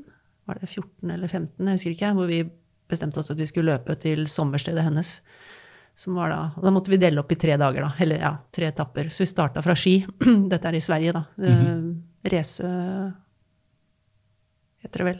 Mm. Altså nede ved Grebbestad, mener jeg. Nede ved Grebbestad omtrent, da. Rett over grensen, eller? Ja, sånn- et lite stykke ned Ja, ja. grensen. Ja. Og da løp vi fra Ski, og så starta vi tre på ettermiddagen en fre fredag, tror jeg. Og så løp vi til, eh, til Moss, overnatta på hotell der. Hadde eh, fått eh, plassert en depotpose der, så vi hadde en rent løpetøy til dagen etterpå. Eh, og så løp vi videre til, eh, til grensen, da, eh, Nordby, og overnatta der. Og så løp vi siste etappen tredje. Så det var 150 km på 48 timer, egentlig, ble det vel i praksis, da. På, på, på tre turer.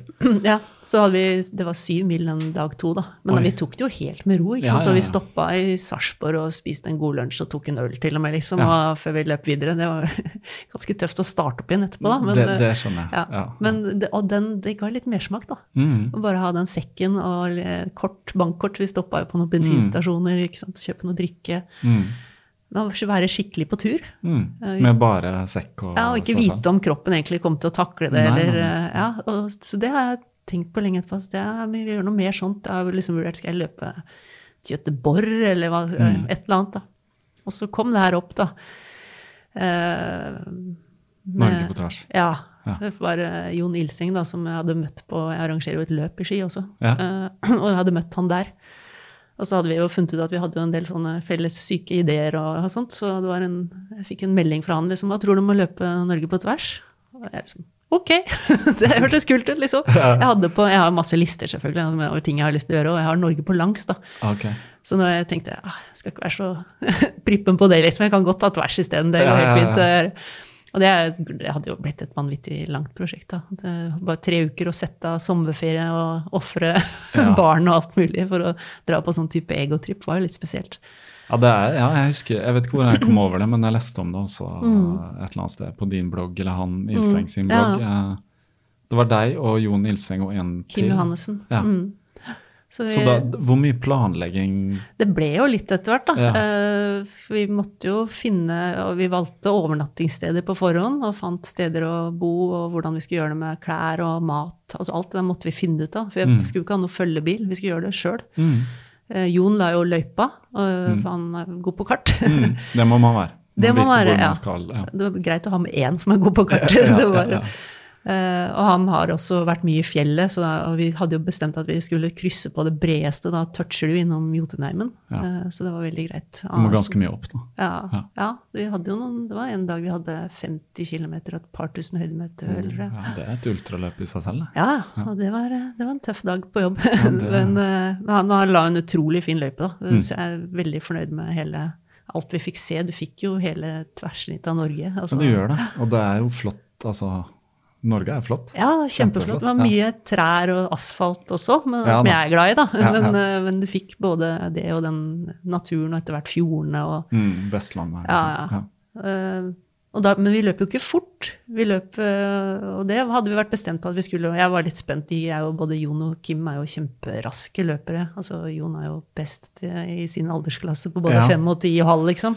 Ja, bare for å nevne for de som ikke vet det, så han er vel nesten norgesmester i sin klasse på kanskje, jeg Ja. tror, i, på halvmaraton. Altså en type sånn, Han har løpt 1,15, tror jeg. Og Ja, han er i han er- menn 45-49 eller noe sånt. Ja, jeg tror- ja, Ja. mm. Og er også noe vanvittige 10 ja i tider på ja. 34, kanskje 33-tallet, eller? ja, det tror jeg. Han er ja. Mm. helt eh, utrolig, i hvert fall. Jeg har lyst til å få han hit da, og Ja, snakke det med han. Han er utrolig Han har en ja, helt annen tilnærming til trening. Han er veldig sånn Ja. eh, ja, gjennomtenkt. Jeg er mer sånn happy go lucky og tar litt Ja, jeg- jeg innfallsmetoden. Eh, Ja, ikke sant. Jeg, men jeg ser det. eh, Han er eh, Ja, det er tre ganger to kilometer, og det er liksom og fart og alt ja, er kjempe 3.30 fart og 3.25 og ja.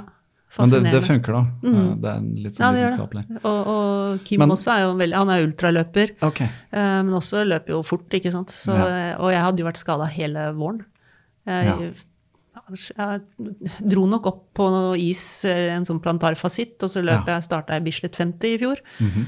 Og brøt etter 30, da, for da kjente jeg at nå, dette blir ikke bra. Så, men etter det så var jeg også litt burde ha tatt meg mer hvil etter det, men da fikk jeg ordentlig skade. altså. Det var en langtids... Det var langtidsskade. Og så hadde jeg allerede da jeg har så mye planer hele tiden, så Mm. jeg hadde jo to løp som jeg absolutt skulle gjøre. Mhm. Som jeg da også gjorde, men da jeg kunne jo ikke løpe noe annet, for det var jo bare å komme igjennom. Ja. Så jeg var veldig spent på den å være med der i hele tatt, men uh, vi skulle jo ta det med ro, da. Vi, skulle, Ja. og vi, skulle, vi gikk mye bakker, og det var liksom ultratilnærmingen. ja. Men du var ganske skadefri når du starta, eller? Men Jeg, jeg visste ikke hvordan liksom, det kom til å Nei. holde. Det var, så det var egentlig jeg, gikk, jeg brukte ganske mye penger på behandling, og jeg Ja. gjorde masse greier, liksom tøying og såle og Ja. alt mulig som jeg kunne gjøre. For jeg hadde, det var jo det store, store målet for året, da, den turen der. Hva slags behandling tar man? Jeg tok, jeg syns akupunktur Ja. virka som Og massasje, selvfølgelig. Ja. Og, ja. Jeg vet ikke hva slags skade var det du hadde. Det var plantarfasitt. Den der, er som det er, det er en sånn sene under foten som er ja. strukket litt, og som du Ja, det var, det, jeg løp jo Boston med den, så da gikk jeg jo halvt der flere dager ja. etterpå. Og det, det er en sånn litt sånn klassisk løpeskade? en veldig klassisk løpeskade Ja. som mange sliter lenge med. Altså Det kan du ha i flere år. Vet man hva den skyldes, eller er det bare Det belastnings... kan være, ja, det er belastning. Altså. Også, men så virker det som det ikke er noen sånn, det er ikke noe fasitsvar. Det er masse, masse er Er tusenvis av gode råd. Kjenner du det i hæren, forresten? Ja, det, kan, det Ja, for kommer at litt jeg har sånn litt i vondt i hælen. hælen Ja, for tiden. ja, nei, uff da. Vær forsiktig. Rull på golfball og tøy Ja, vet du hva jeg kjente mm. på i siste bare digresjon? Jeg var så dum her om dagen og skulle løpe Jeg følger program. Mm. Altså på fredag, det var faktisk etter Magnus hadde vært her, og sånn, så var det hjem, og så begynte på middagen, så var jeg sånn til min kone Jeg må bare løpe noen bakkeintervaller, Ja, for det står, ja. på, det står på planen. Og så jogga jeg ut bort ved Ekeberg der, og så løp jeg opp og ned en sånn bratt bakke. Åtte ganger ett minutt skulle jeg ha. Ja. Full guff, ikke sant. Og dagen etter var jeg liksom vondt i hofta og Mm. setemusklene og sånn. Bare oh, kjente den belastninga. Så vondt å bøye seg og alt. Men søndag langtur 18 km. Vi klarer jo ikke å begrense oss, liksom. Nei, nei, det, det sto på planen. Så Ja, jeg våkna tidlig og hadde lagt meg tidlig. Og, ja, digg, liksom. og jeg ble varm, kjente jeg det ikke, men vondt igjen etterpå der. Mhm. Eh, men litt bedre, Ja. tenkte jeg, og jeg liksom rulla litt på det og sånn. Men så på tirsdag hadde jeg en sånn sånn fartsøkt på Bislett, og etter det hadde jeg vondt i hælen. Men jeg lurer på om Ja, for det er senefestet i hælen som er Ja. det som blir betent, da. Men jeg tror jeg bare har, fordi at jeg har hatt litt vondt Belastet i foten, belasta mm. litt mer, eller Det er mye skader er jo sånn at det flytter seg rundt Ja, det det. fordi at du Ja, du belaster. justerer litt, ja, ikke du sant? Justerer. Ja. Men det er også det jeg tenker på, når skal man liksom ta det litt med ro, og når skal man For, Ja, liksom for det står lyst- det i programmet nå, visstnok, at du skal lytte litt til kroppen. Da. Du Ja, skal de, ikke bare ja, nei. nei, Jeg vet at det er ikke sånn. De sier alltid sånn ja, hvis du liksom ikke er, eh, føler deg helt maks en dag, så kan du stå over eller Ja. løpe recovery. Men det- Men nå, nå føler jeg at jeg har liksom vært, når jeg er på uke seks, så har jeg klart fem Mm. turer hver uke. Ikke missa eneste. kjenner nei. god form. Skal så jeg bare. vil, vil Mm. bare fortsette, ikke sant. Nei, Men, jeg vet, jeg jeg ja. kjenner det godt. Men har... så vet jeg også at jeg er litt sånn overfølsom på sånne småskader. Så, Jo da, og man kjenner jo etter, og i hvert fall når du har begynt, så Ja. kjenner man veldig etter. så, Men man skal være Jeg tror det er lurt å I hvert fall hvis du fortsetter å kjenne det, for jeg var jo, det var jo ja, fire-fem måneder hvor jeg ikke fikk løpt Oi. noe særlig i det hele tatt. Ja. Bortsett fra to maraton, da. måtte bare Jeg måtte bare, ja, men de, ja. ja, det var liksom så store greier. Så, men, eh, så det var litt gambling når jeg dro av gårde. Jeg var spent på det når vi tok eh, bussen opp til, til, til Men hadde du en starten. exit-plan, eller? Altså, det var vi jo enige om at hvis noen ble skada, så fikk den, den måtte bare avbryte, og det skulle Ja. ikke påvirke de andre. Eh, Da måtte de få, bare få fortsette, da måtte den klare seg sjøl. Med mindre det var noe skade man ikke Ja, klarte ja. seg selv med, da. Altså, du ville ikke forlatt den i skogen. Halve- eh, nei. Nei, Annike, beklager, vi må holde Du ruta, får vi. klare deg sjøl. Nei da, det, var- det hadde vi tatt vare på hverandre. Vi passer jo på hverandre hele veien. Men hvis du kommer an Men det må jo ha vært dager hvor dere jeg tror, altså det er ikke, eh, nå spurte, jeg tror jeg spurte deg på tekstmelding om du hadde skrevet om det uh, på Ja, bloggen, har, men det har du ikke ikke jeg har gjort. ikke helt klart det. Nei, og det er ikke han Jon Ilsteng heller gjort, for jeg titta på hans blogg. Ja, men i blogg. Kondis, jeg, jeg tror Ja, han skrev på sin egen blogg, Nei, men jeg tror han skrev jeg på Kondis. Jeg har ikke lest der, skjønner du. Nei, jeg begynte, men det må var man liksom ha et abonnement på Kondis, kanskje? Eller er det en sånn ja, det, vet det, sto i bladet i hvert fall, så Ja. var det Så jeg vet jo ikke helt om det lå Jeg har det ikke det bladet, faktisk, Nei. men uh, jeg kan ringe han. Jeg kan Tim Ja. Bennett, som er sjefen. Jo, jo. Kan Jeg sitter faktisk i redaksjonsrådet, så jeg ja. kan sikkert fikse det for deg. Jeg kan Ja. sende deg artikkelen.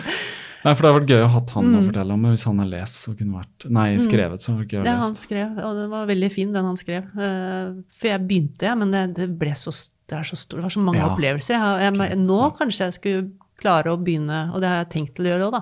Du kan skrive en bok, kanskje? Ja, kanskje. Ja, jeg Nei, for jeg litt om tenker det på, også. Mm. du er jo, altså Når jeg leser din blogg, da, så tenker jeg hvordan klarer hun å skrive så mye og så engasjert om ett maraton? Ja, det er helt, ja, jeg vet Ja, det, ja, men det er ganske utrolig. Det er veldig bra. Og jeg jobber fordi- masse med å kutte ned, for jeg skriver altfor langt Du ofte. redigerer ned, Ja. Jeg bruker masse tid på hvert Ja, men det, det er bra. Da Mm. har du gjort jobben. For når jeg leser, så tenker jeg at wow, det er liksom, du husker ting på kilometer der. Jeg føler at når jeg løper et løp, så er det sånn Det går litt i surra. Jeg husker at jeg begynte, Mm. og så var, det, var jeg sliten der, og så på slutten, så liksom, ikke sant, med mitt maraton. Så.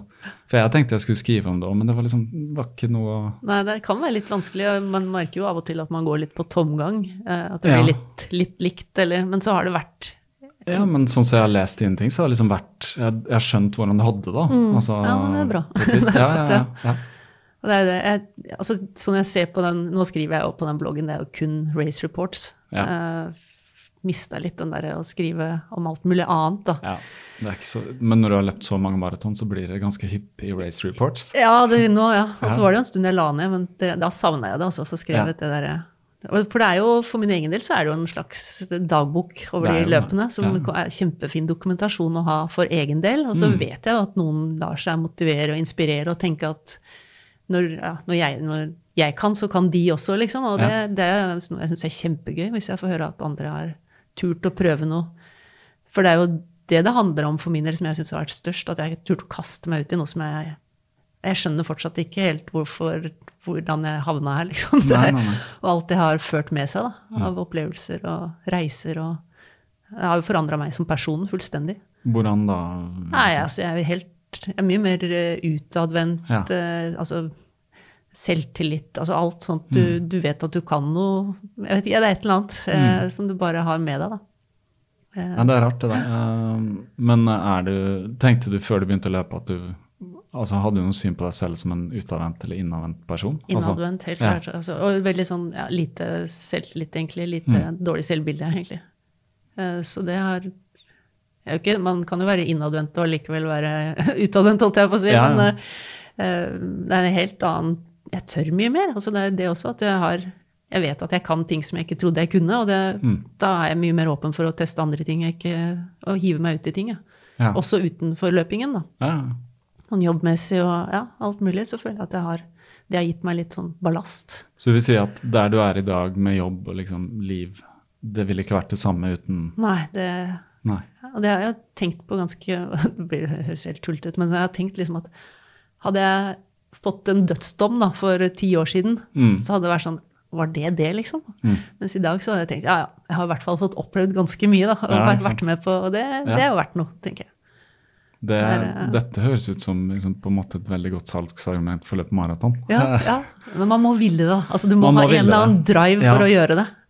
Du må det, det må komme innifra. Ja. Altså, det er ikke sånn at du kan altså Det er vanskelig å selge et sånt konsept. Vi har snakka om det her på podkasten før, fordi min gode venn Stig, som jeg intervjua da jeg var i Bergen, han Ja, på hyttetur. Ja, ikke sant. Han drev jo, hvis du hørte den mm -hmm. uh, Han drev liksom og snakka om meg med, om løping i mange Mhm. år og sånn. Jeg var sånn, liksom, jeg hørte det, Ja. men jeg skjønte ikke hva ikke å. Nei. ikke helt før jeg begynte selv, liksom. Og bare de første kilometerne.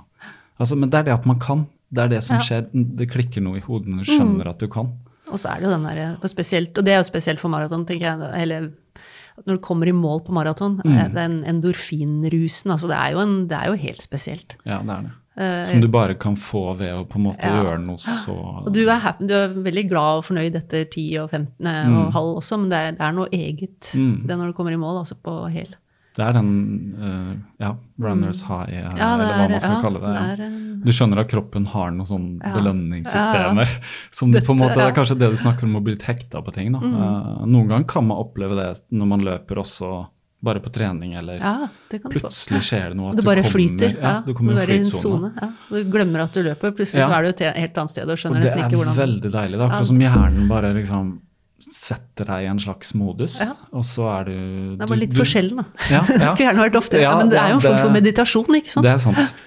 Nei, det, men, ja, så hvis, vi, hvis noen hører på som ikke løper så mye, så er det ikke sånn du får dem hver gang. Også, folkens. Nei, ikke hver gang. Nei, ikke det- så ofte heller, egentlig. Du må legge ned noen timer. og nei, men du kan, du kan ikke bestille det. Nei, det glem det. nei. Altså, du som har løpt mange maraton, og du kan jo ikke bare bestille liksom, Nei, Nå skal jeg løpe på 3.14. eh, Eller tre, 13? Nei, det er, eh, slår veldig forskjellig ut. Men bare litt tilbake til Norge på tvers, for bare Mm. fortell hvordan dere klarte å fullføre. Eh, Ja, nei, det var, Vi du- hadde jo lagt har- opp disse etappene, da. eh, Ja. På cirka, vi hadde et snitt på ca. fire mil om dagen. Nå ble det jo 17 løpedager, men så hadde vi én hviledag i midten. Mm. Ja, det var jo også greit for å ha litt slack tilfelle. Vi visste jo det kunne skje ting. Ja, I starten så var det veldig varmt. Eh, Vi hadde jo en god sommer. Eh, det handler, når startet dere? Vi starta i juli, rundt 21. juli, tror jeg. Ja, Nei, var det tidligere? Eh, så høy, høysommer, liksom. Ja. ja, så det var, liksom, det var høyt oppe på 20-tallet i grader. Altså, vi, det, vann var liksom en sånn utfordring for oss, for det er jo mange øde områder i Norge. Så det, det ble en Etter dag én lærte vi at vi måtte planlegge dette med, med vann, rett og slett, hvor vi skulle få tak i drikke. For det er ikke alltid du finner butikker eller hvor de stedene vi løp, da. Um, men, vi, men vi lærte mye av det, da. Uh, og så hadde vi lagt opp veldig variert og uh, tok det med ro. Uh, og bare fullførte. Vi hadde jo dagens mål, så det var aldri noen sånn diskusjon om hvor vi skulle stoppe. Det var, og vi hadde avtalt at vi skulle ha en større pause midt på dagen og spise ordentlig og, og sånt. Hvordan løste dere med mat som dere hadde med da? Det var litt forskjellig. Hvis vi, kom til noe, hvis vi visste at vi skulle på noe sted hvor det fantes, så kunne vi kjøpe der. Eller så hadde vi smurt oss noen matpakker. Vi bodde jo i campinghytter og eh, privat bodde vi noen ganger. Jeg måtte jo le litt. Det første stedet vi skulle bo, var en sånn campinghytte på seks kvadrat eller noe sånt, med Oi. to køyesenger og var, Men det var litt av greia. Det skulle være en ordentlig ekspedi ekspedisjon, da. Ja. Ja, det har jeg tenkt på etterpå. Det var kanskje det mest Det var så kult, det der at vi, vi hver morgen Det gikk jo på auto etter hvert. da, At vi sto opp, pakk, spiste frokosten vår, gjorde det vi skulle. Eh, pakka sekkene. og det, Du skal jo må passe på å pakke dem litt riktig så de sitter godt. Og, for du hadde jo med en fem-seks kilo da, mm. på ryggen. Og vi sto alltid klare til den tiden vi hadde bestemt, og starta og satte i gang dagens etappe. Liksom. Og den der, også når du spiste du da midt på dagen, og så løp du videre, og så kom du fram, og da var det egentlig å pakke ut og få seg noe mat, og så var det å legge seg på senga og slappe av, skrive dagsrapport, som vi bytta på, var Jon og jeg da, som bytta på å skrive de. Og det, det var dag ut, dag inn, og det var utrolig deilig å bare ha et sånt mønster. Det er et enkelt- veld- enkelt liv, Ja, det var ja. det. Jeg har aldri hatt så fri mentalt fra jobb som jeg hadde for jeg innså jeg ikke, hadde ikke kunnet gjøre noe uansett. Ikke noe sånn telefon? Nei, ikke mail, eller jeg hadde ikke nei, Nei. Det, så da ja, slapp av fullstendig av, altså.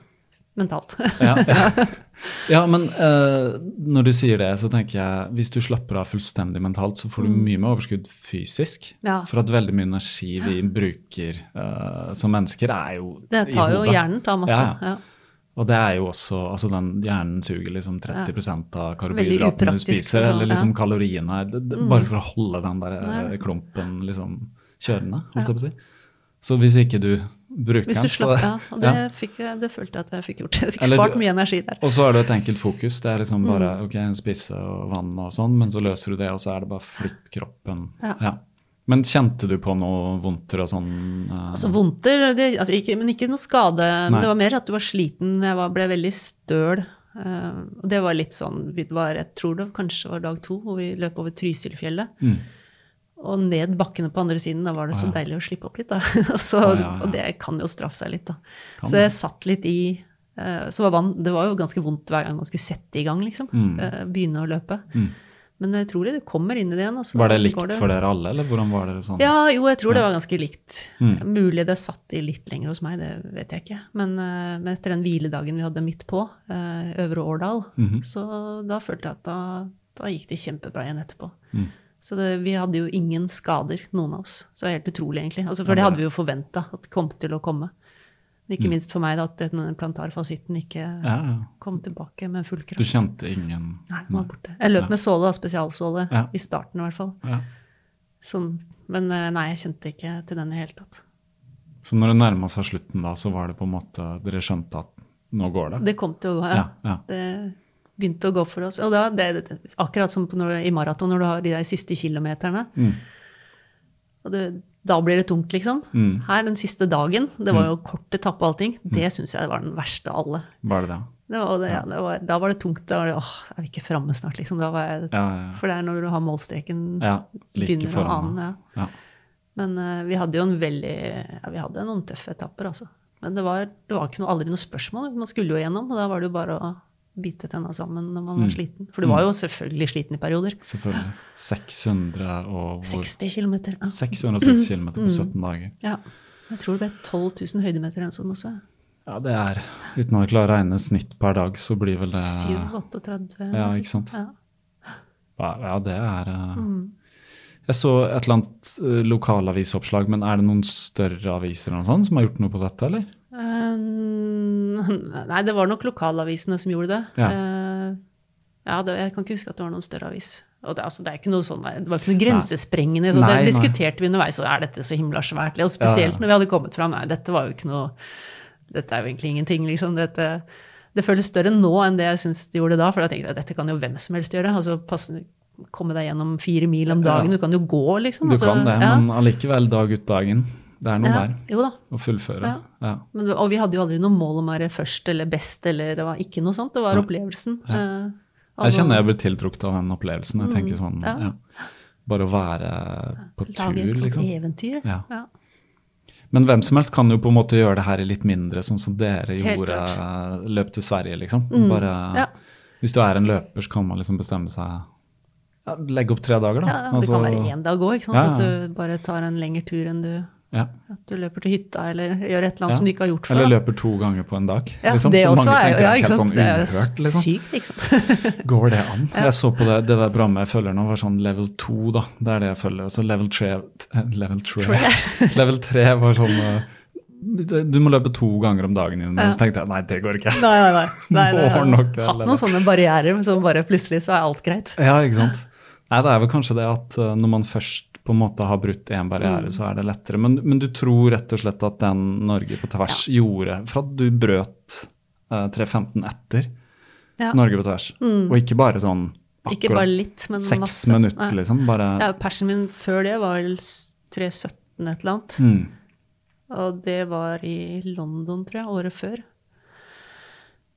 Og da det og siste maratonløpene jeg hadde hatt, nå, aller siste hadde jeg vært skada, men det hadde jo ikke gått noe sånn kjempe Det var liksom 3.20 et eller annet, stort sett der ja, jeg lå, da. ja. Um, så, Og da var det alltid forsøk på 3.15, sånn ja, som regel så ja. Mm. prøv, ville jeg prøve, men så Ja. Det ble mm. alltid for vondt, da. Men kanskje en kombinasjon av uh, litt skadeopphold, så du fikk litt Ja, det hvile? kan hende at den og så- også hadde noe å si. Ja, jeg har tenkt på det òg. Men For jeg tenker på det med platåer, for noen ganger Mm. sånn, du føler du når et platå, så hvordan kommer det videre derfra? Er det mer trening, eller er det Mm. liksom å ta et steg tilbake, og så slippe opp, og så la kroppen liksom ja. absorbere litt den derre Du ser jo ofte det idrettsutøvere som har vært syke og ikke trent like hardt. så Plutselig kommer de tilbake og er Mm. Sterkere enn noen gang. skadeavbrekk og sånn, Ja, ikke ja. Så jeg har jo Jeg liker jo å løpe mye, da. mm. Så kanskje jeg tenker jo om at man er en maskin, liksom, som bare kan holde på og holde på inntil Og så stopper du av og til, da, fordi du Ja, ja. overdriver. Men er det Men, sånn eh, i hverdagen og sånn, er det sånn du tenker noe, er du sliten i hverdagen? Altså Nå spør jeg sånn personlig, for at nå når jeg løper og sånn, og så kjente jeg der i setemuskelen, så tenker jeg sånn Så løper jeg på Bislett, og så er det en sånn sone 1, sone 2, Mm. og så går det sånn å litt sånn sliten av, så skal man liksom opp på terskel i fire runder. Og så er det sånn ja. må liksom kjelleren bare for å klare liksom Ja, ti minutter i den derre Så lurer jeg litt på er jeg for sliten nå, Mm. eller er det normalt med mye trening, eller liksom Skjønner du? At man Ja, lurer litt på Ja, man liksom lurer jo på hele tiden. er, for, er det for mye? Er det, er det sunt? Er det Jeg hadde en økt i går på tredemølle. Mm. Eh, Jeg har jo ikke tredemølle selv, så jeg jo, jeg har jo bare løpt ute i vinter. så- Ja. Ja. Så jeg tenkte nå, for nå, dette nye programmet jeg følger, så er det jo intervaller. Jeg løper jo nesten aldri intervaller. Nei, det er faktisk sett. Mm, Ja, jeg, synes jeg blir litt nervøs av intervaller. jeg syns det er vondt når man skal løpe fort. Men det er det. Ja, det er Helt det. enig. Og jeg blir stressa av det, for da tenker jeg hvis jeg ikke klarer det, så blir jeg så skuffa, og så blir jeg redd, og så ja, ja. Og da, I går skulle det være da eh, 6 1600 meter Mm. i, eh, i strength-tempo, som det het. da. Ja. For min, hvis jeg sikter på sub 310, da, -hmm. så skulle det være eh, 4.24-tempo. Oi, på 1600. Ja. Ja, men ikke Mm. Det skal jo være helt Altså, jeg har jo løpt 10 km, beste 10 km på 40, ja, rett under 41 minutter, liksom. Altså, det er jo fort, mye, mye fortere. Ja, og det det er jo 10 easy. km sammenheng. Jeg må klare 6-16 Altså, her er jo pause på 400 meter hvor du skal jogge. Altså. Mm. Så i utgangspunktet så tenker jeg at det, det blir grei skuring. Og så kommer jeg på, så er det helt grusomt. Altså, Ja. de tre første gikk ganske greit, men den fjerde jeg, jeg fullførte ikke, altså. Nei. Men nå var, begynte jeg å kjenne på en vondt òg. Så da ble det i hvert fall Ja, for det er et eller annet annet med en gang du begynner med det intervallløpet fort. Ja. Det er da man blir skada fort, altså. Mm. Og så er det bare veldig tøft òg. Ja. Men det er utrolig deilig de gangene du klarer det. Det er det. Så jeg, det liker jeg jo ved det. For da Også, føler jeg meg superstas, får jeg masse selvtillit. Ja. Og så pluss at uh, det jeg merker at det gir garantert en formboost. Ja. Altså jeg kjenner jo det kjenner det nå, jeg har løpt litt intervaller i noen uker nå. Jeg kjenner det at det går utover den sone 1 og 2-farten. Ja. Plutselig så er jeg liksom Den flytfarten er mye bedre. Ja, det blir jo det. Men Ja. samtidig så vet jeg om en del gode maraton, kanskje ikke av de som er aktive nå, men ja, som er gjennom tidene. Noen Mm. svensker annet som ikke trente maraton i hele tatt. Ja. Som løp superraske maraton. Ja. Um, og før Berlin, eh, når jeg persa Jeg løp ikke noe særlig mara, altså noen intervaller da. Nei, ikke sant. Så, og jeg tenker på den tvers over Norge-turen, det var jo ikke noe Vi løper jo ikke fort. Nei.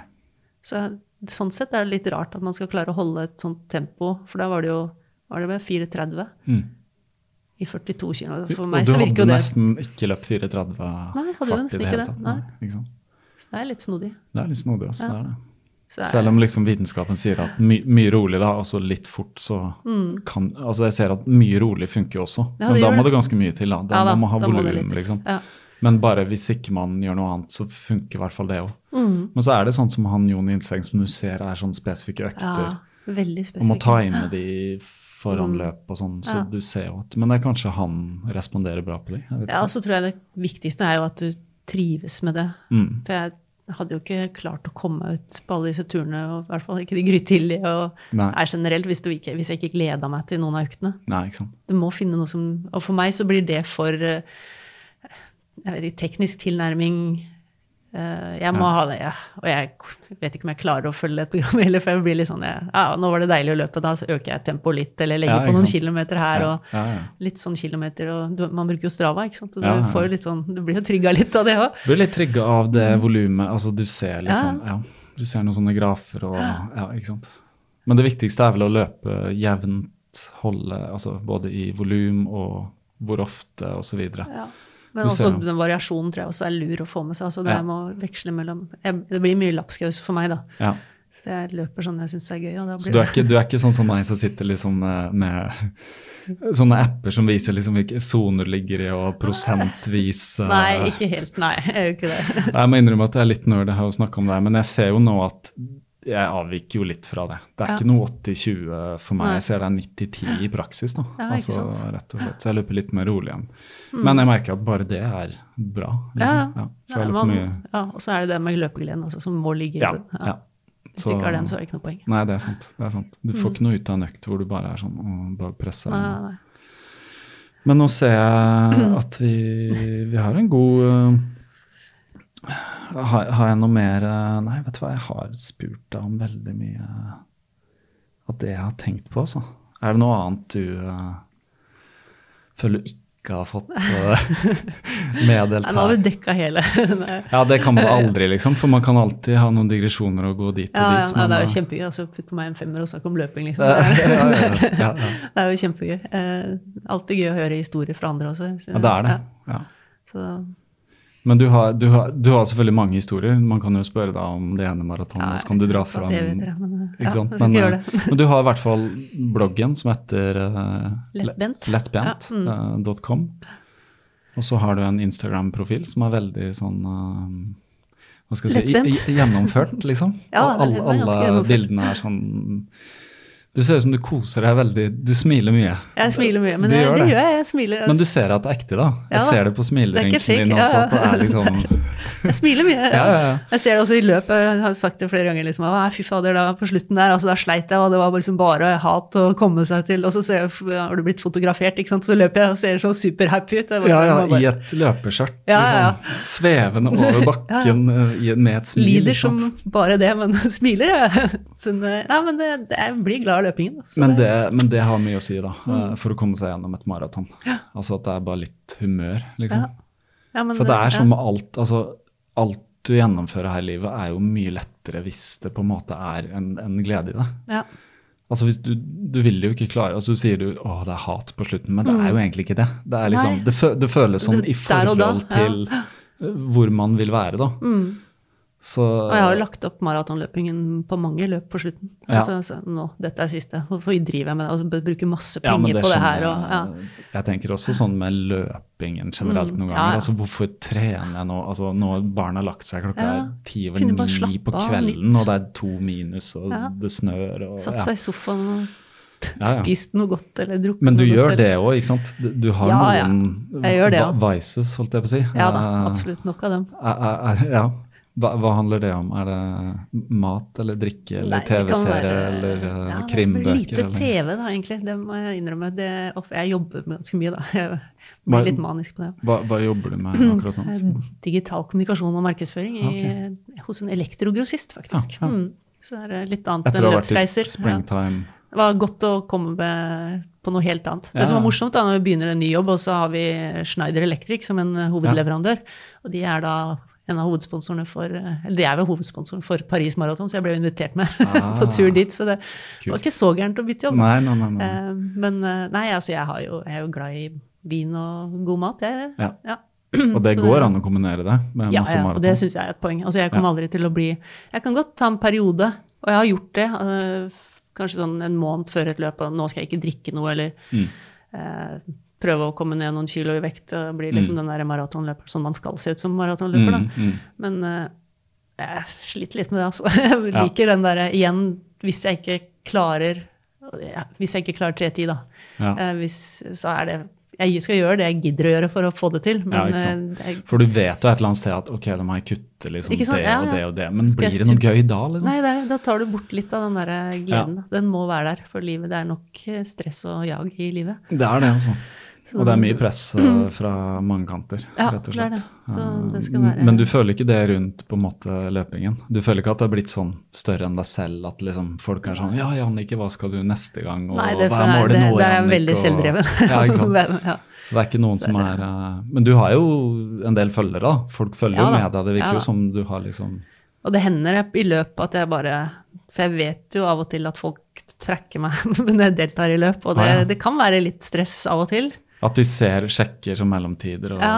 ja ikke sant. Og det har jo noen ganger når jeg har kommet til mål, så har jeg sett at noen har sendt meldinger underveis og lagt ut melding på at ja. du ligger an sånn. Ja, ja, ja. det vil du ikke vite mens du Ikke sant. Uh, men uh, det syns jeg det gjør meg, Og det gjør meg ikke noe om jeg ikke klarer målet mitt. Øh, Jeg har ikke noe det er ikke noe sånn, og det kan være vel så gøy å skrive på bloggen for eksempel, om Mm. et løp som gikk dårlig. Det er jo egentlig morsomt. Jeg ser jo at det også fenger veldig. Det, ja, Ja. Det, vil jeg si. Du hadde en sånn eh, Du løp Big Sur. eh, Ja, den, ja det var jo det var litt sånn spennende. Det var sånn to deler der, og du var litt skada. Og, Ja, ja, jeg måtte jo gå de siste kilometerne. Ja. Ja. ja, En av få ganger hvor du bare måtte Ja, Jeg har faktisk gått ganske mange løp. ja. ja. Så det er ikke bare meg som må skamme meg og gå, Nei. gå løpe, gå løpe. Nei, men det, og det man kan diskutere, Har du løpt en maraton hvis du har gått? Men jeg tenker ja, det har du. Du har det, ja, du har det. Du har det. Alt under fire timer er kjempebra. Altså, ja, det er jo det. Det er, jo, Det er det også. Mm. Tross alt. Hvis er du klarer å holde liksom over 10 km i timen i snitt, så er det jo Ja. Ja, det er fort, altså. Ja. Det er det. Det er det. Det er fort nok. Så langt. Mm. Og vi skal liksom ikke, når vi ser de der verdensrekordholderne som holder 20 og noe, så er det sånn Ja, De det er fra en annen planet, det er altså. det. Og de, de gjør jo bare det. De gjør så bare vi det. kombinerer det med livet. Ja. vi har masse annet å Jeg leste litt om livet til han ene han skriver om han løperen Geoffrey Mutai. Ja, mm. Eh, det er jo å ligge liksom på en seng i en sånn treningssal vente, ja. og, og, og spise spise akkurat riktig mat. Og, Ja, og de, de spiser veldig enkelt, da. tror ja, den der, Eh, hva heter den grøten de spiser? Sånn Kigali? Nei, ja, ikke, ja. eh, det er sånn maisgrøt. Ja. Eh, husker ikke. Nei, jeg husker ikke. Men det er, liksom, det er veldig sånn simpelt, Mm. og så drikker de sånn chai-te med masse sukker i. Uh.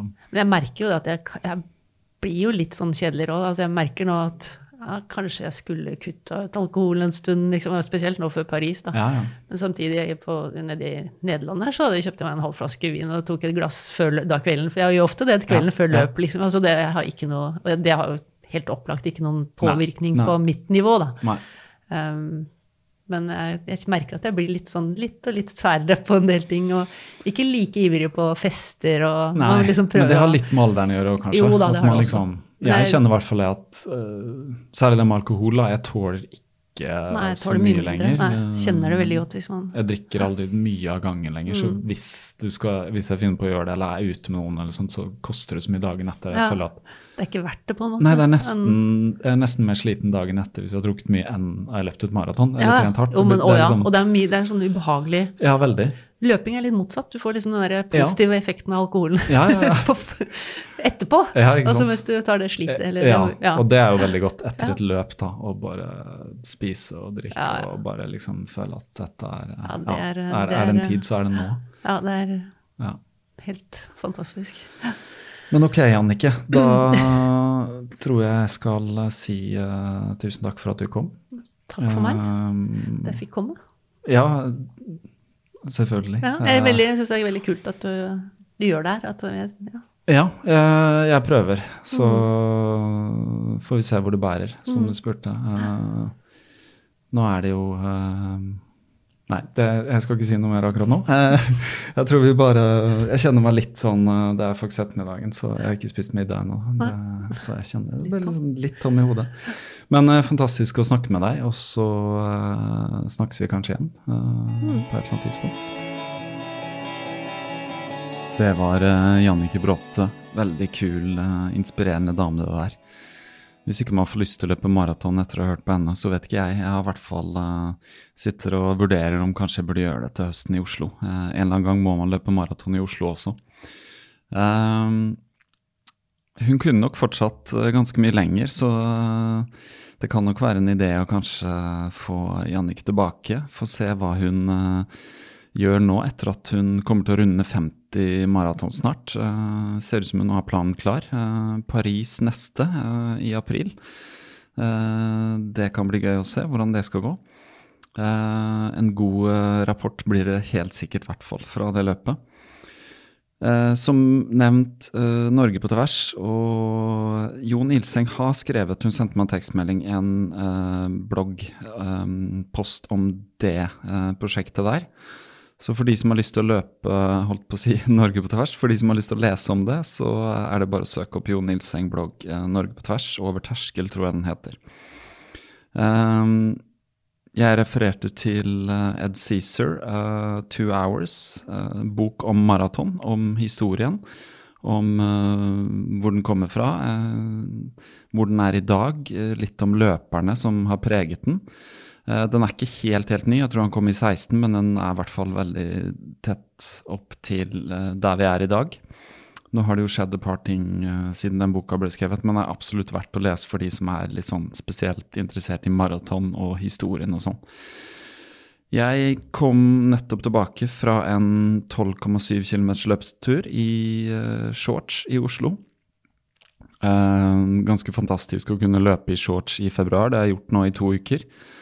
Eh, nå frøs det litt på, så det var litt skummelt og glatt noen steder. Men eh, ellers så har det vært pluss eh, ganske lenge, og det ser ut at det nesten skal være som framover òg. Så det har blitt mindre Bislett inne, mer ute, og det er fantastisk. Nå er det bare for meg å si takk for meg. Takk til Jannicke en gang til. Eh, jeg drar hjem og legger et barn, og så skal jeg legge meg selv. Så får dere ha en god eh, aften når dere hører dette, eller morgen, og en god uke videre. Inntil vi høres av igjen.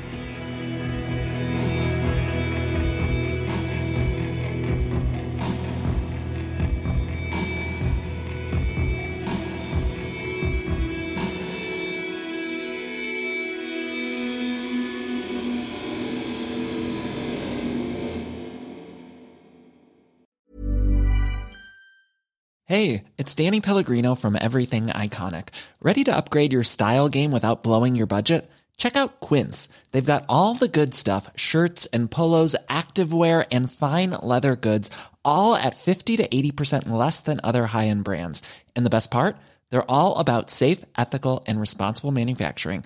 Get that luxury vibe without the luxury price tag. Hit up quince.com slash upgrade for free shipping and 365 day returns on your next order. That's quince.com slash upgrade. Ever catch yourself eating the same flavorless dinner three days in a row? Dreaming of something better? Well, HelloFresh is your guilt-free dream come true, baby. It's me, Kiki Palmer.